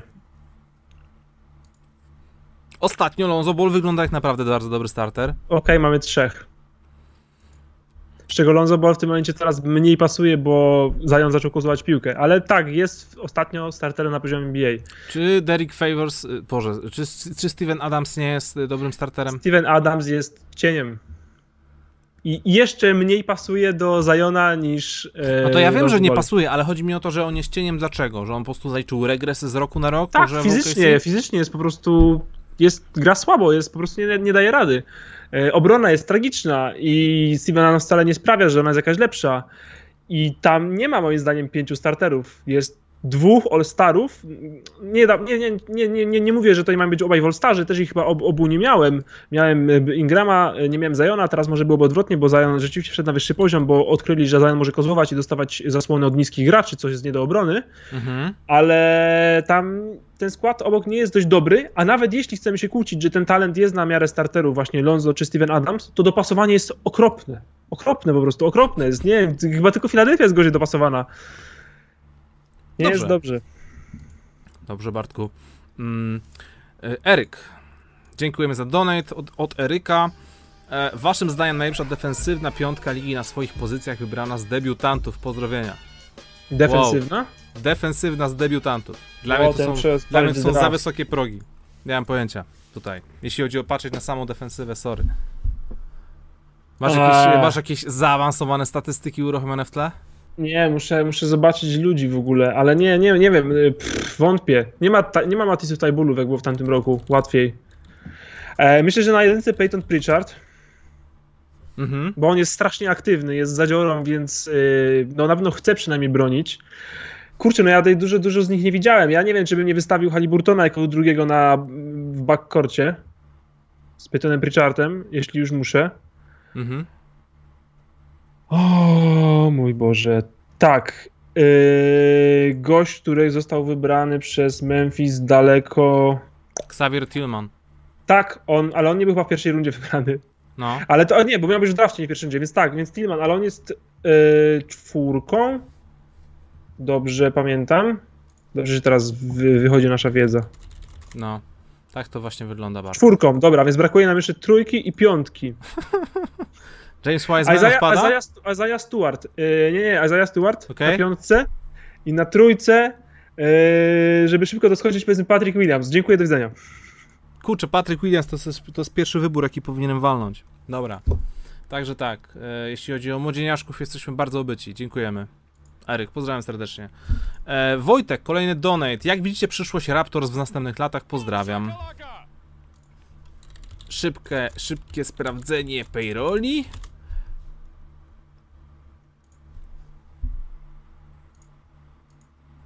Więc tak.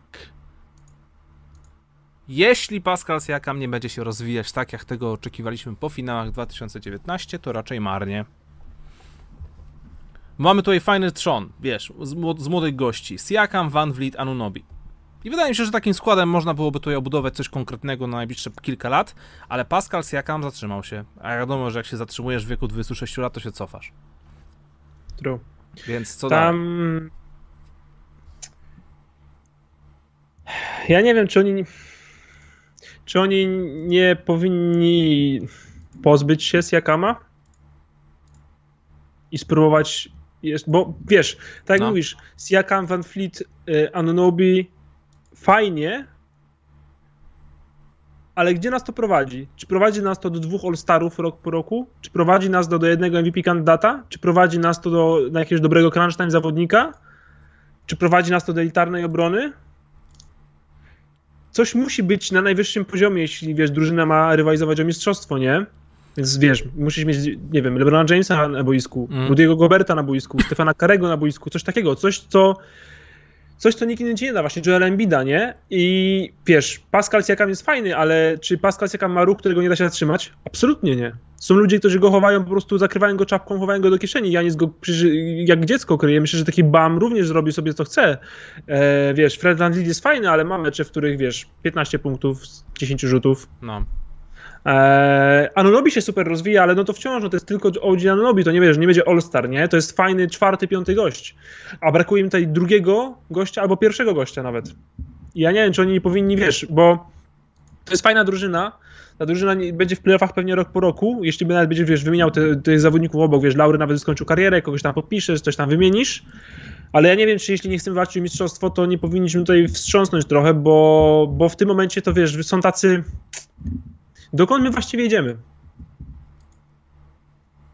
Więc ogólnie jest wszystko fajnie, nie? Dobre, do, do, dobra przyszłość. Jesteśmy optymistyczni, idziemy dalej. Mr. Sugar, kolejny donek, pozdrawiamy oczywiście. Hej, witam wszystkich, pozdrawiam serdecznie. Moim skromnym zdaniem wraca era centrów. Teraz, będziemy się liczy, teraz będzie się liczyć rzut za 3 i wysoki podkoszowy. Co wy o tym sądzicie? Wyśmi, wymieńcie pro, pro, please top 5 centrów w lidze. Miłego wieczoru. All the best to everyone. Pozdrawiamy. Czy wraca era centrów? Nie, Bartek, pozycję. z tego, co- Wraca, a nawet nigdzie nie poszła. Cały czas trwa era i będzie jak największych, jak najlepiej wyszkolonych technicznie zawodników. Więc to już też mówiliśmy, nie? Jeśli Mamy erę, jest- mamy, mamy erę demigodów, czyli 7 stóp wzrostu, którzy, rzuca, którzy rzucają za 3 oraz świetnie kozują. No to chodzi o to, jeśli umiesz technicznie tyle samo, co gość 10 cm niższy, to jesteś lepszym koszykarzem. Jeśli umiesz połowę mniej, nie jesteś lepszym koszykarzem. Czy Dramont jest 105 centrów aktualnie? Wątpię. Top 5 centrów. E, Anthony Davis na jakiej gra pozycji? Na czwórce. No ja, mi się wydaje, że bardziej na czwórce, ewentualnie możesz go tam podciągnąć. Christian Wood jest E, czwórką Carmelo nie możesz rzucić jakby co. Ach. Christian Wood jest piątką? Tak. No, bo cały czas gra na piątce. Dobra. Jokic Embiid, No, klasyka. Rudy Gobert. No, nawet na równi można, można Tak. rzec. Tak, no ta trójka jest nie do, nie do ruszenia. Okej? Eee, Karl Antony Towns, mm, ja go tak bardzo nie lubię. bo gra w złej drużynie. Bismarck Biombo. E, zbyt... pu! Myślałem taki trochę zbyt alternatywny się stałeś przez chwilę, stary. My tu robimy pop koszykówkę przecież. Spojrzałem na, wiesz, chciałem powiedzieć coś innego, a spojrzałem na Charlotte Hornets i pomyślałem o ich centrze. Nie, przepraszam, Bama de Bayo. To Dziękuję, okej, dobra. Chciałem to, powiedzieć. To z tym się zgadzam. No, no, no, z Bismakiem średnio. Mama będzie ze mnie dumna. No. No dobrze, no i No to brakuje nam nie? jeśli chcemy podciągnąć Antonego Davisa, to Antony Davis. Nie, nie, nie, znajdźmy piątego. Wucewicz, Nikola Wucewicz. O, Dobra, tak, na pewno jest Super, lepszy niż dziękujemy. Abram. No, tak. dobra. Czyli Gobert, Jokic, Embiid, e, Bam i Vucevic. Tak jest. E, kolejne pytanie. Szymon Firkowski, pozdrawiamy oczywiście. Witam, czy oglądaliście ostatnie spotkania reprezentacji Polski w kosza i czy lubicie oglądać turnieje reprezentacji w koszykówce? Tak jak zawsze, sympatyczny stream, pozdrawiam panowie. To ja może odpowiem pierwszy, że jak tylko mam możliwość, to sobie staram obejrzeć. Widziałem ostatnie dwa mecze właśnie z Hiszpanią oraz z Rumunią. Jeśli chodzi o mecz z Hiszpanią, to jednak ta, ta końcówka była strasznie bolesna, ale z drugiej strony mieliśmy emocje do samego końca. Wiadomo, że te emocje byłyby 100 razy lepsze, gdyby E, Gdyby tam nie było faulu 60 sekundy przed zakończeniem. Ale jeśli chodzi o mecz z Rumunią, to mam wrażenie, że to był trochę taki spacerek, że to było trochę zbyt proste i wydaje mi się, że tam powinna być jeszcze większa różnica. Zrobiliśmy pokaz wsadów, Jeremy Sohan, Sohan, Sohan, Sohan czy Sokan? Nie wiem, jak się czyta Nie wiem, jak się to wymawia. No, w każdym razie niesamowicie utalentowany chłopak, e, przyszłość polskiego basketu także super. E, no wiesz, no, nie wiem czy ty oglądałeś te dwa mecze, ale według mnie były bardzo e, przyjemne w odbiorze. O, Ja nie widziałem tych meczów, więc musimy tutaj oprzeć się na, twoim, na twojej odpowiedzi. okej. Chciałem tylko e, wtrącić, pozdrawiam, bo tam był bardzo e, sympatyczne pozdrowienie od Szymona Firkowskiego. E, Fajnie, dzięki. Brakuje tylko 6 łapek do 1000, zróbcie to dla Bismaka. Woohoo! Okej. Tak jest. Dla Bismaka, który pamięta czasy zdobywania kontraktu w playoffach Toronto Raptors. To jest ten Bismak, którego ja zapamiętam. Zrobił swoje, wiesz. Dostał kontrakt. Tak jest. I już potem nie robił swojego. Ale idziemy dalej. Mateusz z grupy Bóg, pozdrawiam serdecznie. Pięć dyszek wysłał, wiadomo dlaczego, ponieważ za hajs z BetClicka baluj. Robicie taką robotę, że nie mam pytań. Pozdrowienia dla was, Kuby z Duńczyka i reszty spoko chłopaków z grupy typerskiej. E, CR7 is the GOAT. Dzięki wielkie Mateusz, pozdrowienia dla ciebie również. E, dla tych, kto tam nie wie, to przypominam oczywiście o grupce typerskiej Typy NBA na Facebooku, kanale youtuberskim Typy NBA, em, youtuberskim, kanale YouTube'owym Typy NBA, gdzie właśnie tam dzielę, dzielę, dzielę się swoimi analizami, wiadomo jak to różnie bywa. No i Ciekawe, jak czasem wygrywamy, czasem nie. Co? Ciekawe, jaką popularność mógłby zdobyć kanał youtuberski. Kanał youtuberski. Tak. Falor, kolejny donate. Yy, Falor, Falor skromnie i konkretnie, czyli siemanko, pozdrawiam, lal for life. That's true. Grove Street is the best. Tak jest. E, hashtag otwieramy. Kolejny donate, pozdrawiam serdecznie. Panowie, poproszę wasze pierwsze piątki oraz trenera z wszystkich obecnie grających zawodników NBA. Pozdrawiam, TCH, hashtag otwieramy. Dziękuję wielkie, otwieramy. Oj, Bartek. Mamy taki... Znowu robimy topkę. Pierwsze piątki oraz tre... tre... Czekaj, jeszcze raz. Poproszę wasze pierwsze piątki oraz trenera z wszystkich obecnie grających zawodników NBA. Sensie pierwsze piątki trenerskie też, czy wystarczy jeden? Albo pięciu zawodników, którzy mają największe szanse zostać trenerami. Trochę wydaje mi się, że nadinterpretujesz, ale wydaje mi się, że to byłby, Bardzo, ciek- no. to byłby ciekawszy take niż wymi- wymienienie pięciu najlepszych zawodników na ten moment. Bo to Jest chyba co dwa tygodnie o tym mówimy. No pierwsze piątki dopiero co właśnie mówiliśmy, wybierając, yy, wybierając yy, All-Starów swoich, nie? No. A propos otwieramy. Byłeś gdzieś, gdzie nie byłeś wcześniej, bo było zamknięte?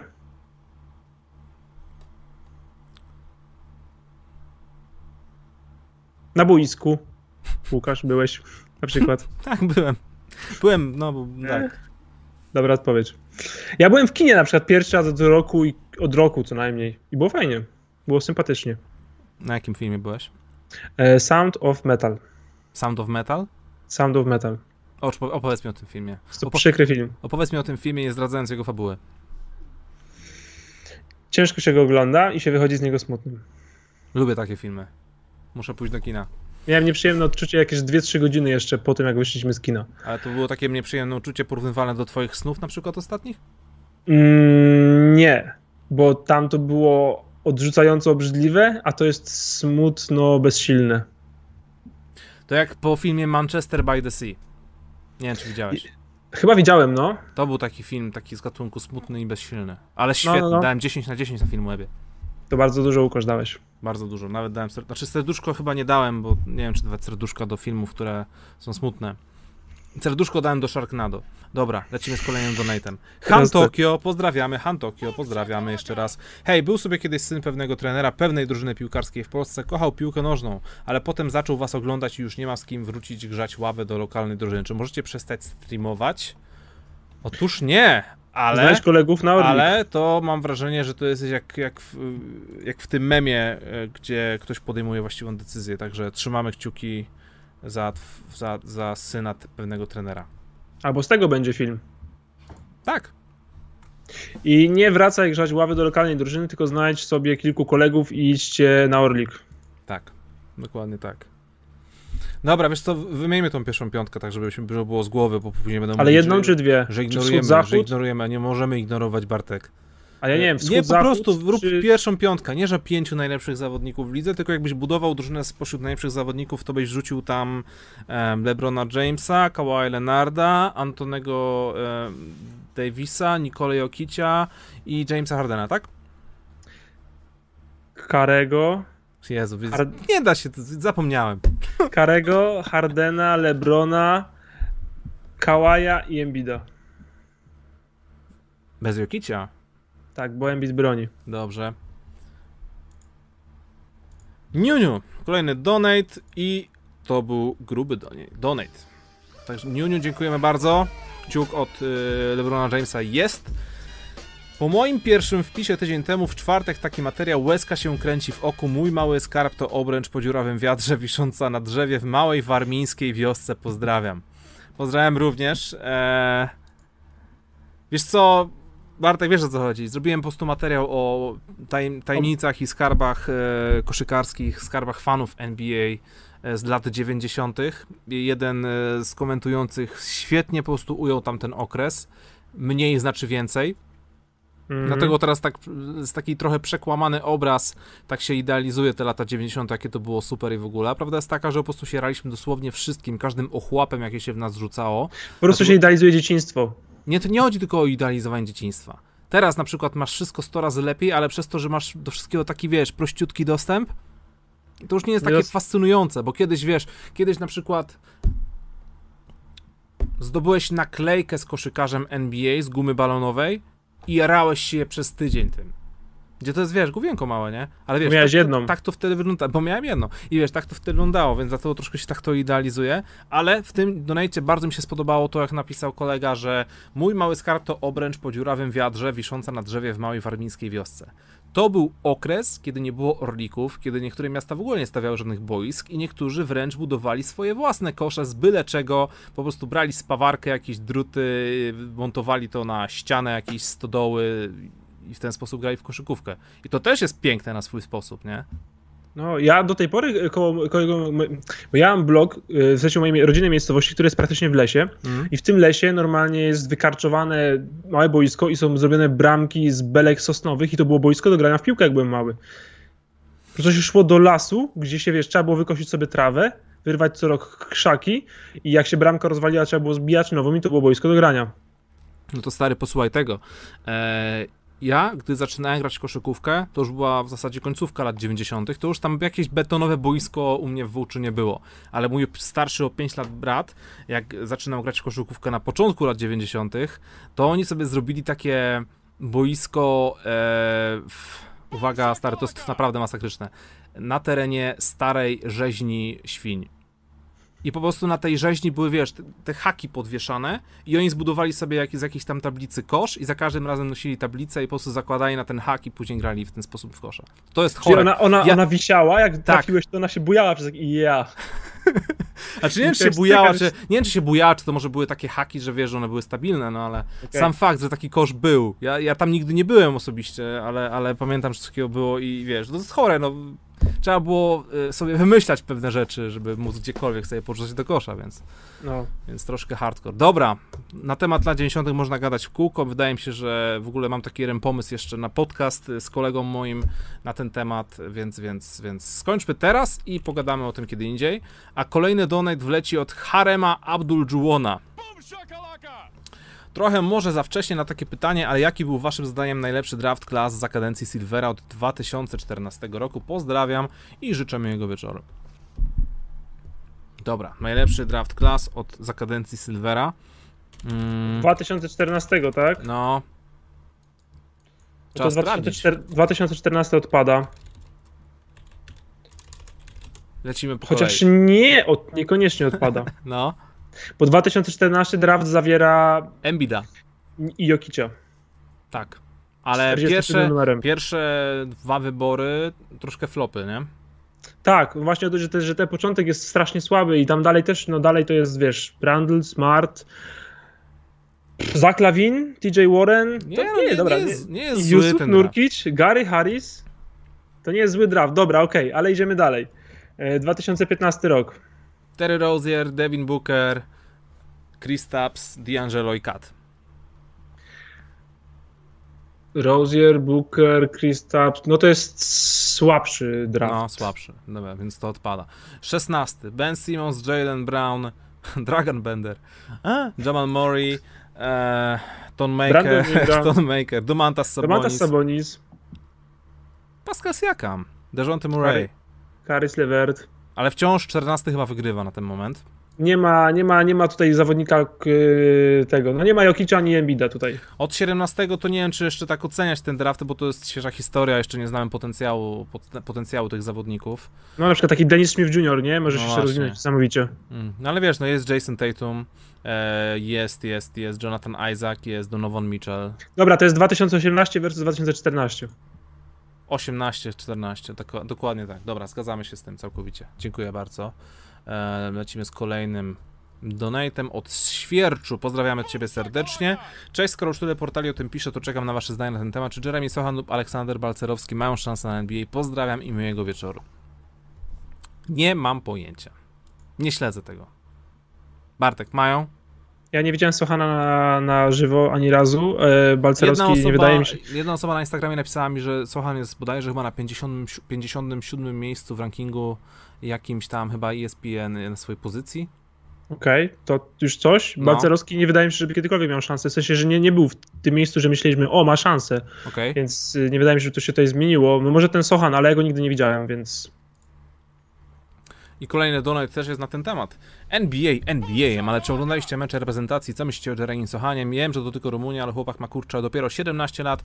Powinniśmy na niego chuchać i dmuchać, bo to może być nasz skarb koszykarsko-narodowy. No tak, no, co, co tu więcej dodać, no. Widziałem ten mecz z Rumunią i to, to co tam wyrabiał gość, to było naprawdę super. Eee, tylko oczywiście, tak jak mówisz, trzeba na niego chuchać i dmuchać, bo wiadomo jak to jest z tymi młodymi talentami u nas w Polsce. Eee, nie można stracić okazji na oszlifowanie diamentu, prawda? Ale trzeba ten diament wpierw oszlifować, a nie e, tracić czas. Więc, więc tak. Prawda. Mm. Remik, kolejny donate. Witam panowie. Mam dziwne pytanie, dlaczego w NBA kwarty trwają 12 minut? Od kiedy tak jest i czy jest szansa, że kiedyś tak się będzie grało na całym świecie, choćby Mistrzostwa Świata i Igrzyska Olimpijskie, czy inne turnieje mistrzostwa? PS, dobrze, że Waczyński wrócił do kadry. Tak, pod tym względem też się bardzo cieszę. To, to, to, to, całkowicie. Nie mam pojęcia, co tam się wydarzyło w kuluarach, ale mam nadzieję, że to nie jest tylko jakaś tymczasowa popisuwa, tylko faktycznie po prostu e, jakiś topór wojenny został zakopany. E, jeśli chodzi o te 12 minut w NBA, e, w sumie to nie wiem, czemu tak właśnie jest. Ta liga, Ja nie- ta koszykówka nie- nie amerykańska i europejska zawsze się troszkę różniła od siebie, ale nie wiem, nie wiem czemu akurat są takie. A tak było inne. od zawsze chyba, No, nie? W sensie, nie, że się coś zmieniło w jakichś tam latach 50. czy coś. Nie wiem, ja wolę ten format 12-minutowy. Fajnie jakby, fajnie jakby igrzyska czy coś za tym poszły. E, ale no w sensie w NBA nie ma sensu tego zmieniać, no bo wtedy rzeczywiście wszystkie rekordy możemy wrzucić do śmieci. To jest Mhm. zbyt ważna rzecz dla gry, żeby takie coś zmieniać. E, Ja lubię ten format, e, że jest bardziej wymagający, no bo to jest no więcej dużo koszykówki dla zawodników. E, ale jaki jest, jaki jest początek tego? Nie mogę sobie teraz przypomnieć. Nie mówię, że nie wiem na pewno, ale jakoś nie mam jakiejś odpowiedzi gotowej, więc Tutaj kilka osób pisze na czacie z, z prośbami o link do donate'ów. E, Moi drodzy, na tym mam jeszcze masę pytań tutaj, które na nas czekają. A żeby nie lecieć z tego streama do 24, to po prostu zachęcamy przybyć do nas e, na czas za tydzień, znowu w poniedziałek o 20.30. Te donate'y zawsze na początku tam przez 30-40 minut są włączone. No później jak widzicie, no sami no musimy je wyłączać, bo się po prostu nie ogarniamy. A i tak to wydaje mi się, że spośród wszystkich rzeczy, jakie robiliśmy z donatami na przestrzeni tych kilku lat profesjonalnego studia NBA, jest to chyba najlepszy sposób, jaki to ogarniamy. Nie wiem, może jest jakiś lepszy, ale ja go nie znam jeszcze. A więcej ma sensu dla tego, żeby flow było, żeby było balans między naszymi tematami i donate'ami, więc tak to na razie wygląda. Tak jest. E, Maciek nam po prostu wysłał srogą stówkę z podpisem Panowie, dzięki, że jesteście. Dzięki, że jesteś Maciek też. Dzięki, że jesteś Maciek. E, dzięki, że jesteś Maciek. dzięki, że jesteś Maciek. Że imię czaisz. Tak, to śmieszne. To jest bardzo śmieszne. I LeBron James gibający się do Harlem Shake'a. To mi się podoba. Super jest. Dzięki wielkie. Jedyne, co zapamiętam z tego, z tego hype'u Harlem Shake'a, to jest Harlem Shake Miami Heat. Nic więcej nie pamiętam. Ja powiem ci zupełnie szczerze, że dla mnie Harlem Shake e, był bardzo udanym wiralem. Był fajny, miałem z tego dużo fanu, ale teraz pamiętam tylko Miami Heat. Aha, okej. Ja pamiętam jeszcze Harlem Shake jeden od nas z KNBA. Jedna drużyna zrobiła. Chyba jedyna drużyna KNBA, która potraktowała to poważnie i każdy się przebrał i zaczął robić jakieś głupie rzeczy, ale nie pamiętam jaka to była drużyna.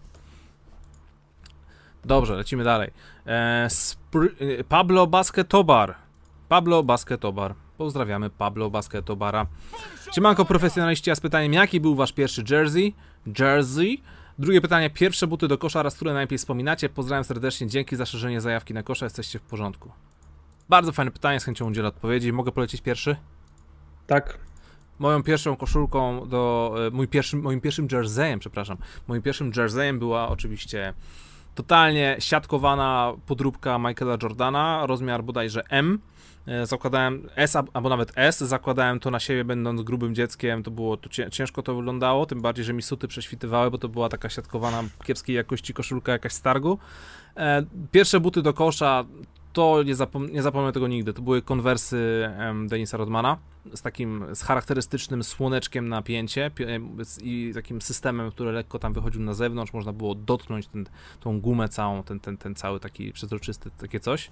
E, strasznie uwielbiałem te buty, niestety szybko z nich wyrosłem, bo jeszcze byłem dzieciakiem. A które najlepiej buty wspominam, to chyba mimo wszystko Hyperdunki 2011. To były najprostsze i najlepsze buty, jakie miałem. Po prostu czułem się, jakbym zakładał skarpetę na stopę, ale w taki sposób, że, że czułem się stabilny i lekki, super. Hyperdunki 2011, najlepsze buty ever. U Ciebie jak to wyglądało? E, pierwsza, pierwszy jersey to podrabiany Kobe Bryant, y, złoty 24, za, używany e, no. z, z, z Allegro, bo chciałem mieć cokolwiek, e, więc kupiłem cokolwiek było.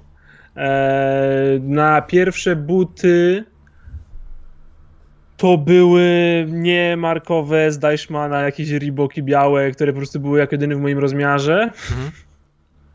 E, a najlepsze, wstyd mi się przyznać, bo są to moje obecne buty do kosza, są to jakieś Nike, ale to nie są żadne sygnowane czymś nazwiskiem i za cholerę nie pamiętam jak się nazywały. Ale to są jakieś takie naj... te, te, te hyperdunki, jakieś hyper właśnie, layupy, właśnie takie podstawowe. Coś, coś, coś, takiego, ale nie hyperdunki, bo hyperdunków mam już dość, bo kupiłem wszystkie te trzy ostatnie nieudane wersje e, i, i źle mi bardzo posłużyły. Są to jakieś coś tam hyper, coś tam Nike, no. E, nie pamiętam, no miałem tą nazwę jeszcze, no już większość czasu ją miałem, ale no, no wyleciałem i nie, nie po prostu nie teraz przypomnieć i już, już nie pierwszy raz, bo już ktoś mnie o to kiedyś pytał e, i, i, i właśnie no mam teraz takie zarąbiste buty, kup sobie też i nie wiem, nie wiem, są zarąbiste, są świetne, e, nie wiem jak się nazywają. Nie jesteś, mam nadzieję, nie jesteś buciarzem, nadzieję, jesteś koszykarzem, mój drogi. Mam nadzieję, że pomogłem. Okej, okay, kolejny donet od Be Like Mike 23. Pozdrowienia ciebie, dla ciebie, kolego. Siemanko Kipi, jak się podobały pamiątki z lat 90., którymi ludzie chwalili się na fejsie po emisji twojego filmu? Pozdrawiam, robicie dobrą robotę. Właśnie, to e, dla tych wszystkich, którzy e, tutaj są i dalej pamiętają te lata 90., mają swoje własne skarby i chcą się tym pochwalić, u mnie na fanpage'u na Facebooku jest przyklejony post, gdzie w komentarzach można wrzucić zdjęcie, filmy, cokolwiek tam chcecie, żeby się pochwalić, pokazać co tam, co tam macie, co tam się wam uchowało z przeszłości i powiem ci szczerze, Bartku, że tam się robi powoli taka sekcja mocno historyczna, nie, że rzuciło tam pięć osób coś, tylko na tym moment tam jest chyba kilkadziesiąt komentarzy, w każdym komentarzu jakieś zdjęcie, jakiś film, jakieś wspomnienie. Wydaje mi się, że z tego e, to, to jest taki samo tworzący się materiał dokumentalny, historyczny. Jeśli chodzi to, o. wiesz, zachowaj sobie to, zapis, nie? O zapis, e, zapis, wiesz, e, fantów koszykarskich z tamtego okresu. Za, zapisz sobie to, bo myślę, że to ci jeszcze może gdzieś przydać, a no to jest naprawdę świetna pamiątka taki, taki post. Dokładnie tak. Kolejny donet od Krakersa. Pozdrawiam ciebie, Krakers. Keep super. Chciałeś, chciałeś coś powiedzieć? Nie, nie, nie. Przepraszam. E, keep super rozmowa u Hanasa, przesłałem do ostatniej minuty, bardzo mi miło, dziękuję. A propos biografii Iversona, czy byłeś w 2009 w Katowicach podczas wizyty AI? Ja żałuję do dziś, że nie dałem rady dojechać, chociaż całe widowisko wyglądało mega biednie. Pozdro, panowie. No ja to już kolejny raz wspomnę, że ja zawsze byłem człowiekiem mocno siedzącym w domu, a jeszcze yy, zanim się ogarnąłem, że są takie wyjazdy i w ogóle, to, to, to, zawsze to wszystko szło na ostatnią chwilę. W tym momencie, jakbym wiedział, że przyjeżdża jakiś taki koszykarz do Polski, to po prostu wsiadam w samochód, nie pytam o nikogo, nikogo o zdanie i po prostu jadę w trasę. No ale w 2009 jeszcze niestety nie miałem takiego luksusu, więc, więc no nie, no nie miałem okazji spotkać Iversona, nie miałem okazji nawet go zobaczyć z odległości tych 100 metrów czy gdzieś tam, więc, więc, więc troszkę żałuję. Tak samo zresztą jak żałuję tego, że jak byłem małym szczylem i Denis Rodman przy, przyleciał do Polski promować swoją biografię, to też po prostu można było do niego podejść, spić piątkę, poprosić o autograf na książce. Też tego nie zrobiłem, bo miałem wtedy 8 lat. No. Oby, jeśli, jeśli Iverson znowu przyjdzie do Polski, abyś mógł do, tam pojechać, podbić do niego i zrobić swoją biografię. Tak właśnie będzie. Jeśli chodzi o Iversona, to będę mieć dla was taką ciekawostkę, ale to się dowiecie o tym w, w tym tygodniu, ponieważ jeden z moich rozmówców, jeden z moich rozmówców z którym zrobiłem ostatnio spoko rozmowę, miał okazję poobcować nieco z Allenem Iversonem, więc jeśli chcecie się dowiedzieć, jak to wyglądało, to zapraszam w środę bądź czwartek ten odcinek wleci. A tymczasem kolejny donate od Nówki, czyli największego fana Brooklyn Nets, jakiego znam. Mój Brooklyn taki chwalony, pozdrawiam buziaki. Pozdrawiam Cię Michale również bardzo serdecznie. E, Nówka jest fanem Brooklyn Nets od dobrych kilku lat, jeszcze z czasów e, D'Angelo Russella, jeśli nawet nie wcześniej, więc, więc bardzo fajnie, że się doczekał takiej ekipy. Może coś tam powygrywa. Także super. Kolejny donate od Kamisza. Hejka, dajecie... A, dobra, bo ten donate od nówki jest zepsuty. Czekajcie, muszę to na chwilkę usunąć.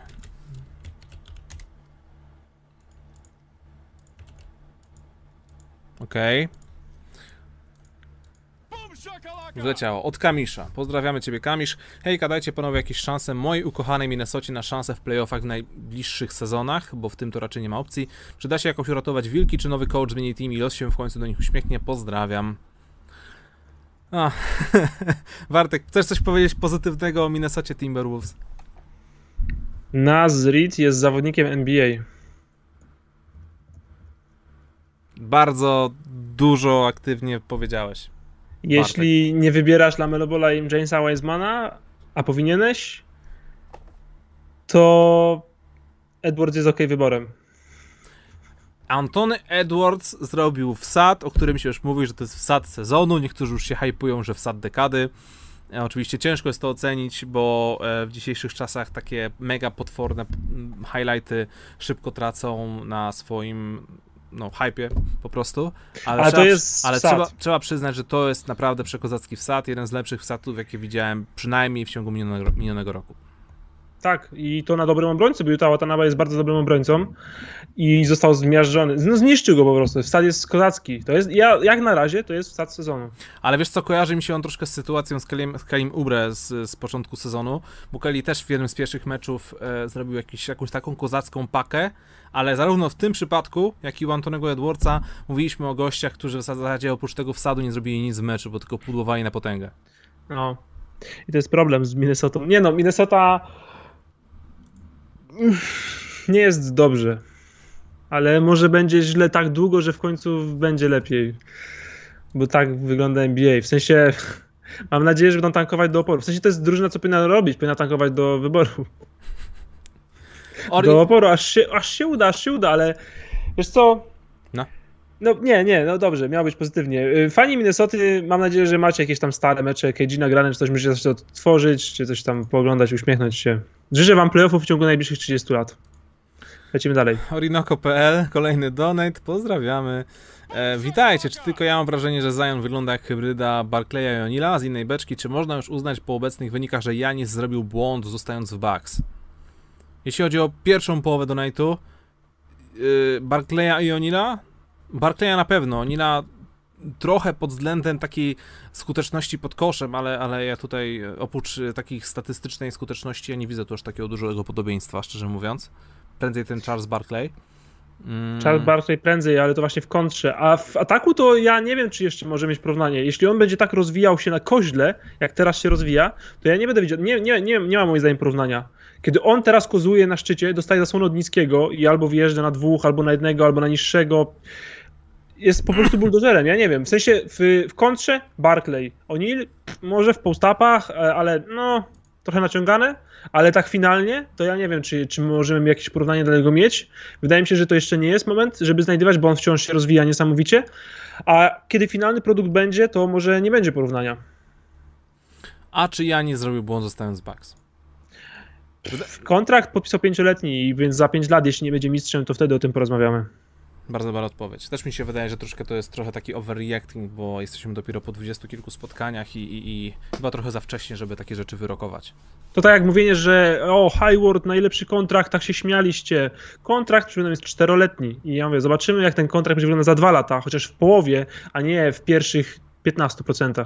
E, Ja tutaj chciałem pozdrowić Baranowa925, który właśnie napisał drap plus Szwonder serduszko. E, Kolego, dzisiaj, przez, dzisiaj na chwilę wbiłem na streama do Energika.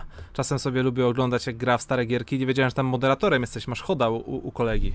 Chody, choda, choda, chody masz u kolegi. Także super, popatrz, mamy tutaj takiego widza od Tak. tak. starszych gierek też. Um, donate od Crackers. Oj nie. Matceon teraz jeszcze wysłał tutaj nowy donate, ale to poleci za chwilkę jakby co. E, jeszcze najpierw poleci od Crackersa, po, bo kolega Crackers czeka godzinę. Jest wolno, lecimy z tymi donate'ami. 21.03 kolega wysłał donate, nie? I drugi donate. Komu przeszkadza wielki Chris Paul? Chłop gra 16 sezon, robi 17 punktów i 8,5 asysty, a Suns są czwarci na zachodzie. CP jest dziewiątym najstarszym zawodnikiem w lidze, ze starszych graczy tylko LeBron James kręci lepsze staty. LeBron James jest całkiem niezły, nie? Dzisiaj e, to jest donate od Krysiopolu, Bartek. to jest donate od Krysiopolu. E, no tak, no dzisiaj powiedzieliśmy parę, faktycznie parę dobrych słów o, o, o Phoenix Suns i o tym, jakim świetnym rozrywającym generałem parkietu jest Chris Paul. E, to jest człowiek nieomylny. Dzisiaj czytałem taki krótki artykuł na temat tego, że on jest bardzo bliski do pobicia rekordu Steve'a Nasha, jeśli chodzi o asysty. Co wiesz, no ze względu na jego długowieczność i to, że jest typowym playmakerem, może nie jest aż tak dużym osiągnięciem, chociaż według mnie jest, ale co najlepsze jest to, że on ma jeden z najlepszych współczynników asyst do strat. Ten gość nie popełnia błędów, on nie robi szalonych wjazdów, wszystko ma obliczone, to jest profesor. Mhm. On y, jak jest zdrowy, bo rzeczywiście jak tam były jakieś kontuzje, to potem jak wracał, to jak wyglądał słabo, w sensie nie mógł, wiesz, nie mógł y, zrobić swoich rzeczy, ale kiedy jest zdrowy, to cały czas dostaje się te swoje miejsce na półdyszce, gdzie chce. Cały czas, wiesz, wysokiego gdzieś wysyła dwa metry od siebie, pula szybki i, i ma, wciąż dostaje się w swoje miejsca, wciąż dostaje swoje, wciąż dostaje swoje, swoje rzuty, więc E, Donate od Kuby. Zapraszam na grupę na Facebooka. Czy Kyrie Irving podjął mądrą decyzję? Jest taka grupa? Dostałem też na pliwku, że ktoś założył już grupę na temat y, podejmowania decyzji przez Kyriego Irvinga. PS, dzięki Bartek za pochwalenie pomysłu na profilówkę na Facebooku XD. Ej, czyli patrz, podchwycili nasz pomysł. Ej, dobra, okej, nie, nie, nie, nie, nie będziemy brać żadnych tantiemów, ale róbcie tą robotę dobrze. Czekamy na y, ten, na tweety, na posty, na bieżąco, na żywo, jeśli chodzi o, jeśli chodzi o dyspozycję Kyriego Irvinga w meczach. No, ja rozumiem, że grupka jest może dla was wygodniejsza, ale Twitter by się chyba bardziej nadawał, bo tweet tak idealnie, tweet, wiesz, to jest trzy, tweet to są dwie sekundy, nie? Piszecie Tak. tweeta, że podjął, nie podjął, podjął, nie podjął i wtedy można I łatwo będzie całą historię przejrzeć, nie? Codziennie, Tak. nie podjął, nie podjął, nie podjął, nie podjął, nie podjął, czy coś tam. Kurczę, oprócz tego Larego Hughesa chyba był kiedyś jeszcze jeden taki śmie... Właśnie to, to, był, to nie był nawet, nie, nie był blog, to był po prostu Twitter. Kurczę, ale nie pamiętam jaki, jaki to, jaka to była strona, jaki to był fanpage. A, muszę sobie to odnaleźć.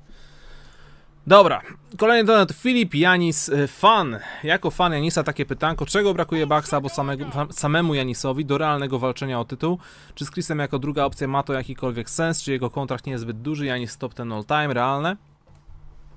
Dużo pytań, jeśli chodzi o Janisa. Eee, właśnie wszystko wygląda w Milwaukee fajnie. Na papierze, oprócz, oprócz, oprócz tego flow i, i tych zwycięstw. Chris jako druga opcja, według mnie to jest dobry fit. E, nawet te mecze, w których Janis nie gra, kiedy Chris przejmuje pałeczkę, się okazuje, że jest jeszcze lepszym graczem niż tam się to w ogóle wydaje. Nie wiem, co tam nie grasz, tak szczerze mówiąc. Wszystko No nie grasz Drew Holiday, nie? miejscu. Nie No. gra Drew Holiday teraz. Eee, czego brakuje Bucks? No to jest to, co mieli zdobyć, czyli kreatora na obwodzie, rzucającego za trzy, czego nie mają cały czas. Mhm. Czy Chris jest drugą opcją? Okej, ja myślę, że okej, ale czy Janis jest pierwszą opcją? Myślę, że nie. Czy kontrakt jest za wysoki? Nie, to jest dwukrotny MVP, dajesz mu maksymalny kontrakt, jaki możesz mu dać, kropka. Czy ma szansę na all time? Eee, nie jest to wykluczone, Ale A to, to jest musiałby, tak naprawdę, bardzo- musiałby naprawdę bardzo wiele osiągnąć, bo pomimo swojego ogromnego wiesz indywidualnego talentu, no za tym muszą iść sukcesy, takie wiesz, drużynowe. ale to, że nie jest to wykluczone, to jest gigantyczny Mhm. Bo ilu jest ludzi w lidze, o których możemy tak powiedzieć? Dwóch, trzech No. może, którzy, o których mogę, nie, nie mogę powiedzieć, że nie mają szans na top 10. Yy, tak. Dwóch, trzech może jest takich graczy. I Janis jest wśród nich, bo jest stosunkowo młody i może wygrać na przykład jeszcze, nie wiem, jeszcze 3-4 MVP. Załóżmy, nie? Jest to, jest to możliwe. Kolejny donate, donate od Hold Your Guard. Pozdrawiamy serdecznie. Cześć, od dłuższego czasu zastanawiam się, czemu w Polsce Doncicia traktuje się, jakby był nam bliższy od reszty zawodników. A to jest ciekawy take. E, powstawanie polskich fanpage'ów, ciągłe śledzenie jego gry. Jak wy myślicie, skąd u Polaków takie przywiązanie do Luki? Pozdrawiam. To jest, jak dla mnie, świetny temat socjologiczny. E, Patrzymy na Lukę Doncicia i widzimy po prostu białego chłopaka w, normalnej fryzurce, który wygląda jak jeden z nas, ma swojsko brzmiące imię, e, jest, e, no, Słowianem? Jest Słowianem? Jest Słowianem. Można po... Jest Słowianem, Bartek. Znaczy Nie- jest, ale czy... Czy jest, ma, jak myślisz, że ma, myślisz, że ma konto na portalu Wolni Słowianie na przykład, Luka Doncic? Czy nie ma? Mam nadzieję, że nie ma, bo jak nie, to mamy już jego hasło. Nie, to jest naprawdę niesamowite. Mi się to akurat bardzo podoba. E, no i wiecie, tym bardziej teraz, kiedy Marcina Gortata już nie ma w NBA, kiedy nie mamy w ogóle żadnych e, jakby horyzontów na to, żeby jakiś Polak był w NBA. Wydaje mi się, że tak troszkę patrzymy na Lukę Doncicia jako na swojego i jaramy się jego zwycięstwami zupełnie jakby był od nas. No. Tak, Myślę, no, że to o to chodzi. myślę, że Luka Doncic jest top 3 Polaków obecnie. Tak jest. Razem z panem Obajtkiem, Lewandowskim i, i no i Luka Doncic jest trzeci. Okej. E, Fan Peytona Pritcharda. em, dziękujemy za donate. Witam, Kębę trzeba tradeować i to już. Dany trade musi sobie przypomnieć swój pseudonim, coś za niego wyciągnąć. PS. Rob Williams, jedna z najlepszych wind w tej grze. Change my mind. Czy Kębę trzeba tradeować i to już? Bartek, czy, Absolutnie. czy w ciągu ostatniego tygodnia, od naszego ostatniego streamu, w którym rozmawialiśmy głównie na temat Boston Celtics, nic się nie zmieniło i Kębę już trzeba natychmiast wy wymieniać?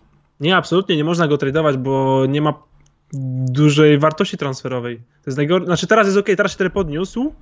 Dwa tygodnie temu to był najgorszy moment, teraz jest kiepski moment. Jak wiesz, nie chcesz, masz wysoki kontrakt starego gościa, wiesz, handlujesz go, kiedy jest w szczycie formy, a nie kiedy wychodzi z dołka, bo teraz co, jak na przykład, wiesz co, dwa tygodnie temu ja byłem GM-em e, jakiejś drużyny i zadzwoni do mnie dany Ainge, ej, chcę wytransferować Ke- Kemę Walkera, to ja zapytałbym, okej, co mi do niego dorzucisz? Kemba Walker za Andre Dramonda? Poszłoby? Czy nie ma szans? Myślę, że Celtics na to nie, że Celtics by na to nie poszli. Okej. Dobra. Uwaga, Bartek Ziembiński wysłał donate.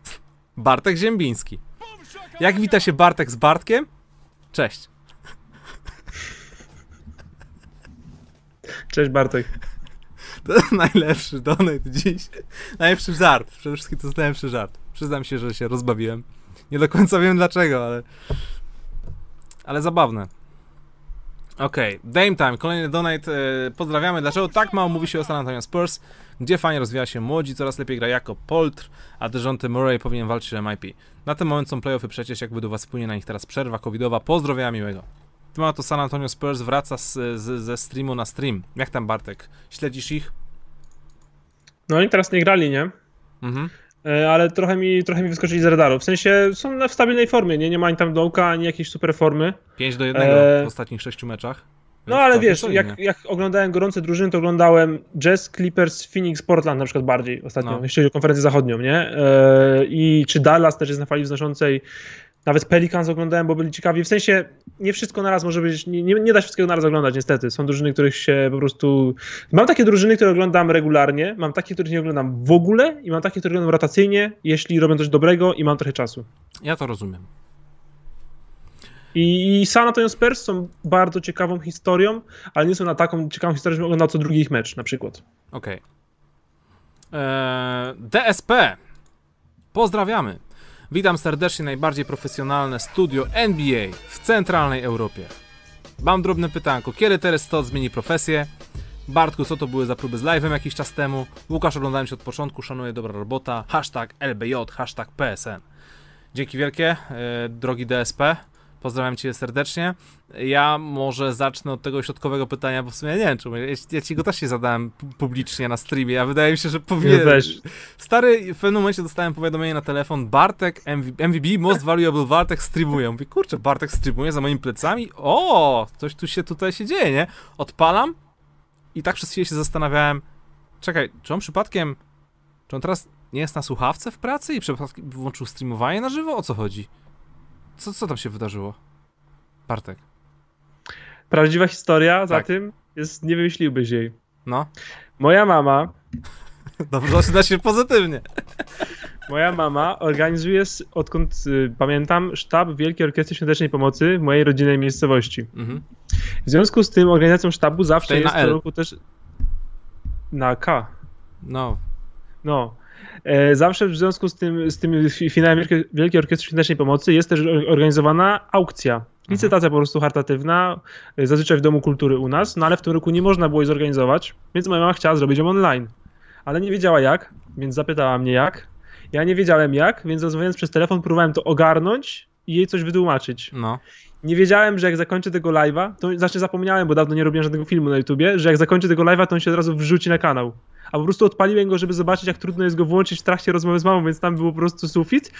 Część mojej rozmowy z mamą, którą, której próbuję przez, internet, przez telefon wytłumaczyć, jak Wszystko odpalić jasne. live'a na YouTubie. Jakbyś następnym razem chciał coś takiego jeszcze raz zrobić, to pamiętaj, że jest tam taka opcja publiczny, niepubliczny, prywatny. To jakby co to wrzucaj prywatny. Jak mi się już potem już przypomniało właśnie o to chodzi, ale wiesz, ja to klikałem, na, ja to klikałem na, wiesz, na szybko przez telefon i po prostu zapomniałem, że to się od razu odpala e, i tak, taka jest historia tego live'a po prostu. E, czy Terry Stotts, e, kiedy Terry Stotts zmieni profesję? E, ja myślę, że on spokojnie może nie zmieniać proces, profesji, ale może no, na po przykład... ostatnich meczach na pewno nie. Ale widzisz, jak to się zmienia z tygodnia na tydzień. No. Ja myślę tak długofalowo, że to nie jest trener kalibru playoffowego mistrzowskiego. Mhm. Jeśli chodzi o drużynę mistrzowską, to mógł być asystentem. Jeśli, jeśli zadowalałem się byciem niezłą drużyną, to może być trenerem NBA. Ale nie, nie, jest, nie jest trenerem, który przynosi ci drużynę na najwyższy poziom.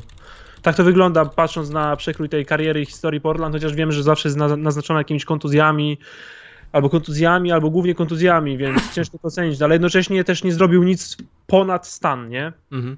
Damian Lillard robi rzeczy ponad stan, dlatego jest top 10 zawodników NBA. Terry Stotts nie robi rzeczy ponad stan, dlatego nie jest top 10 trenerów NBA, ale jest trenerem NBA.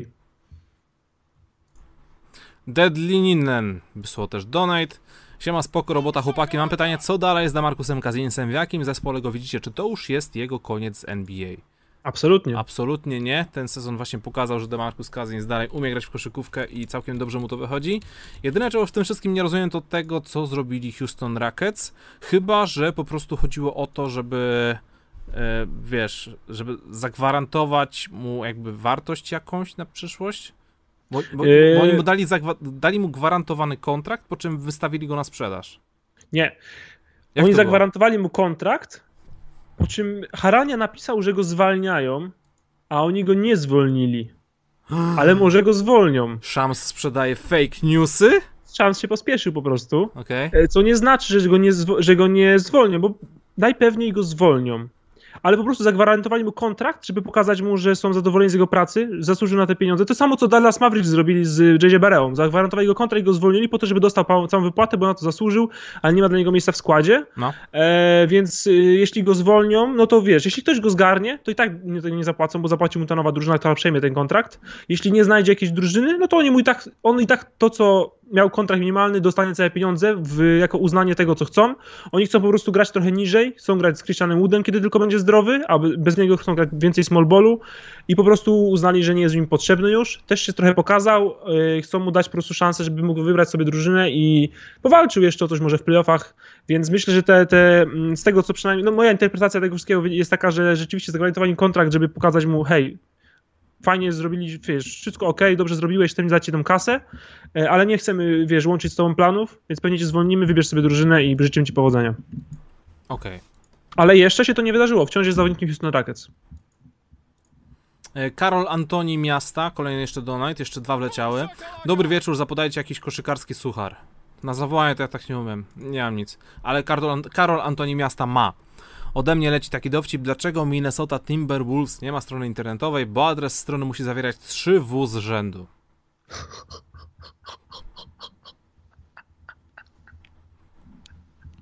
Złote, Zakłuło- złote. Zakłuło zło. mnie w, w klatce piersiowej. No. Nice. no tak, Ja doceniam taki humor. Nice. Jest Karl Antoni dobry żart. Miasta. przyznaję mu naklejkę taką z chorągiewką. Co- i Jeszcze gorsze jest to, że Washington Wizards mogliby taką stronę już założyć. A, a Timberwolves wciąż nie.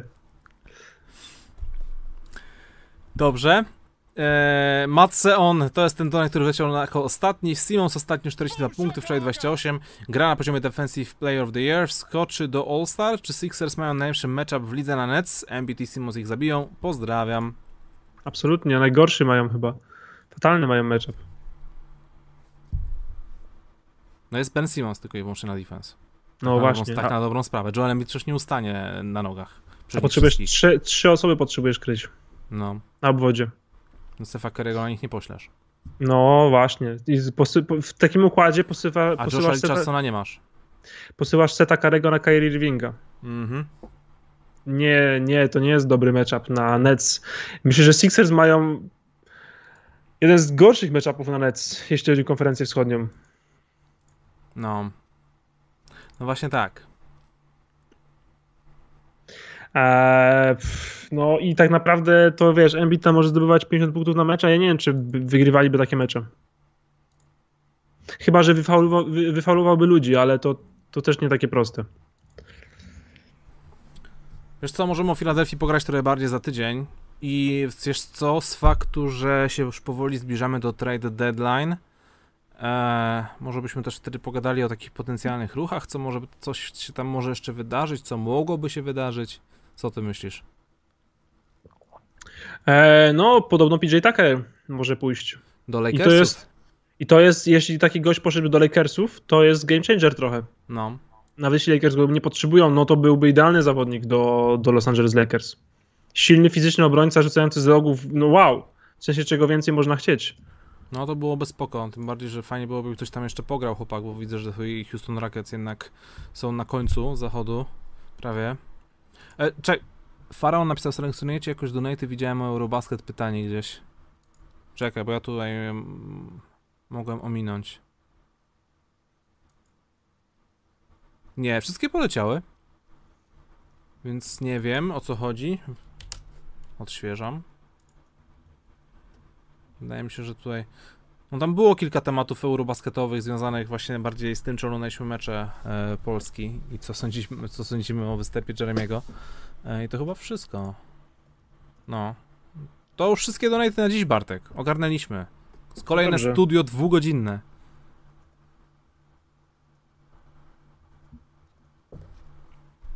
To co, Bartek, Było jeszcze dużo, byś, dużo donatów, no. co, by, co byś jeszcze chciał dzisiaj powiedzieć? Co, co, co ci się tu jeszcze dziś spodobało? W sensie, co, co jeszcze się takiego wydarzyło w ciągu ostatnich, e, ostatniego tygodnia, e, na co warto zwrócić uwagę? Słyszałeś, słyszałeś, Draymond, słyszałeś wypowiedź Charlesa Barkleya?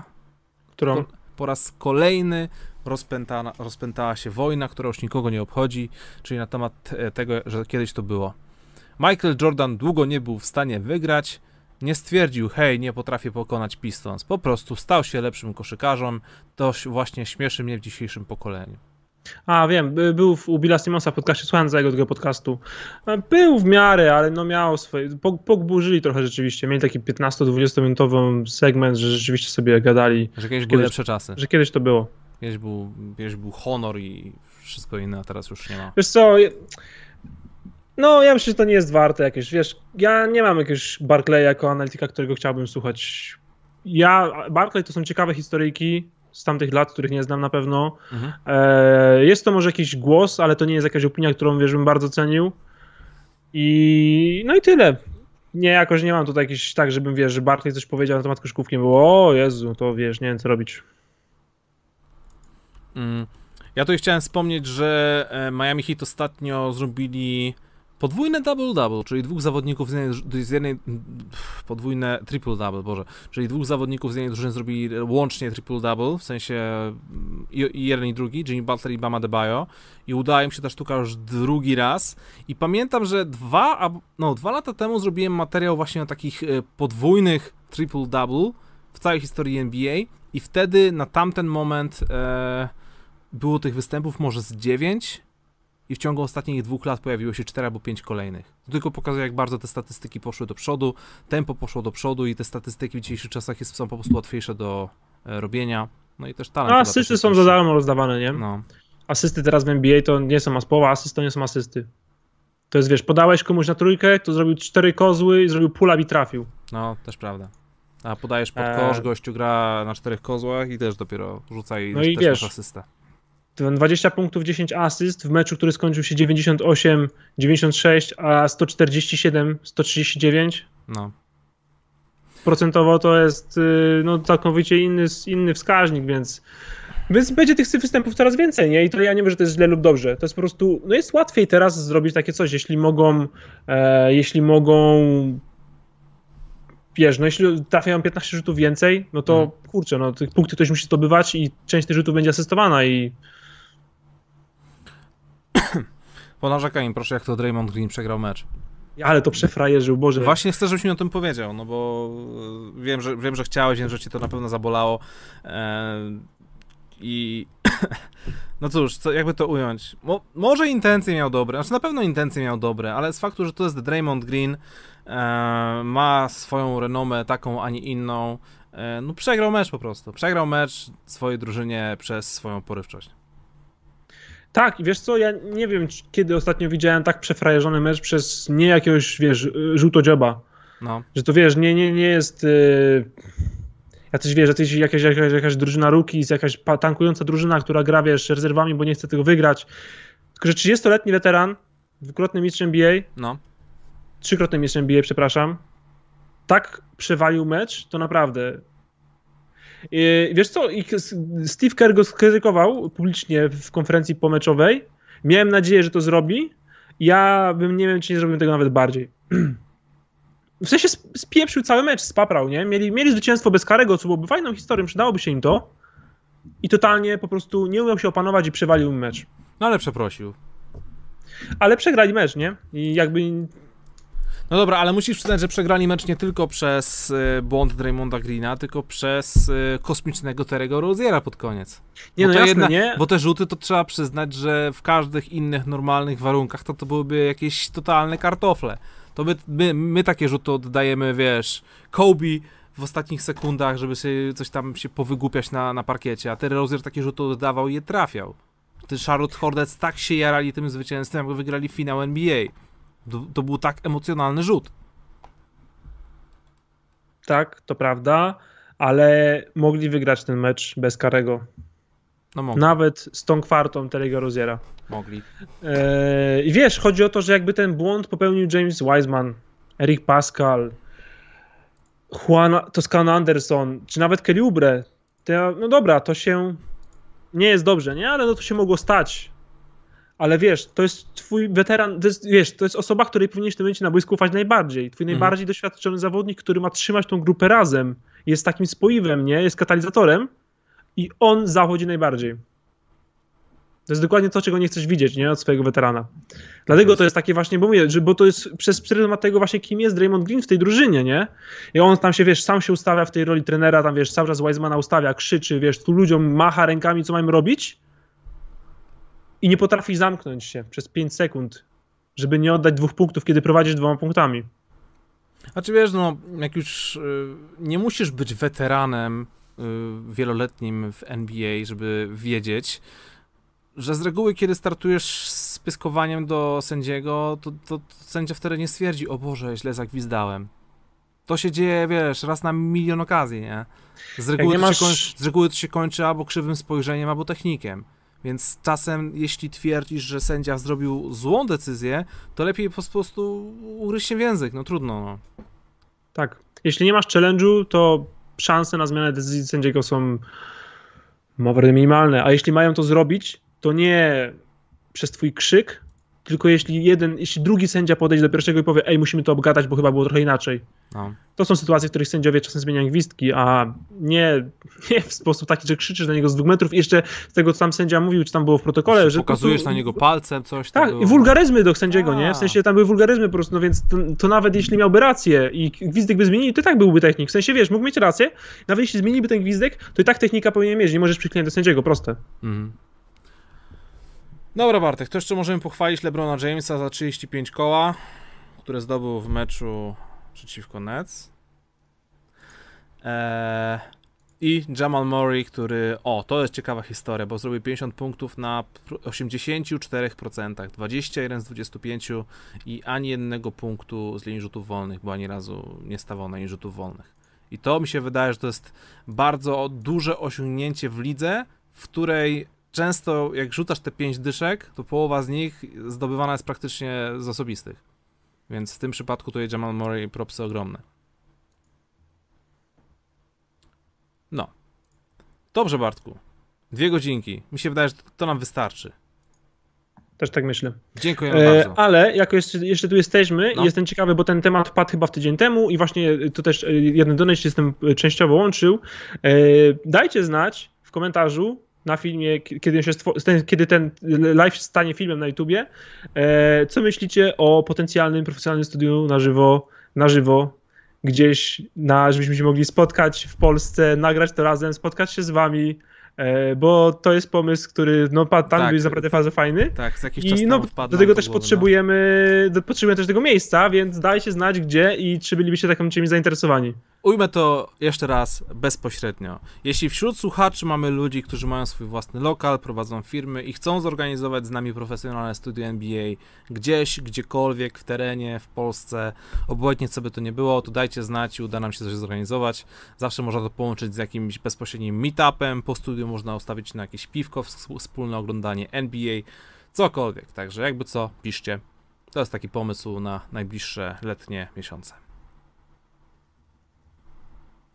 Dziękuję bardzo za kolejny poniedziałek. Mam nadzieję, że się Wam podobało. Oczywiście studio pojawi się też na Spotify oraz na innych platformach streamu, streamujących e, od środy.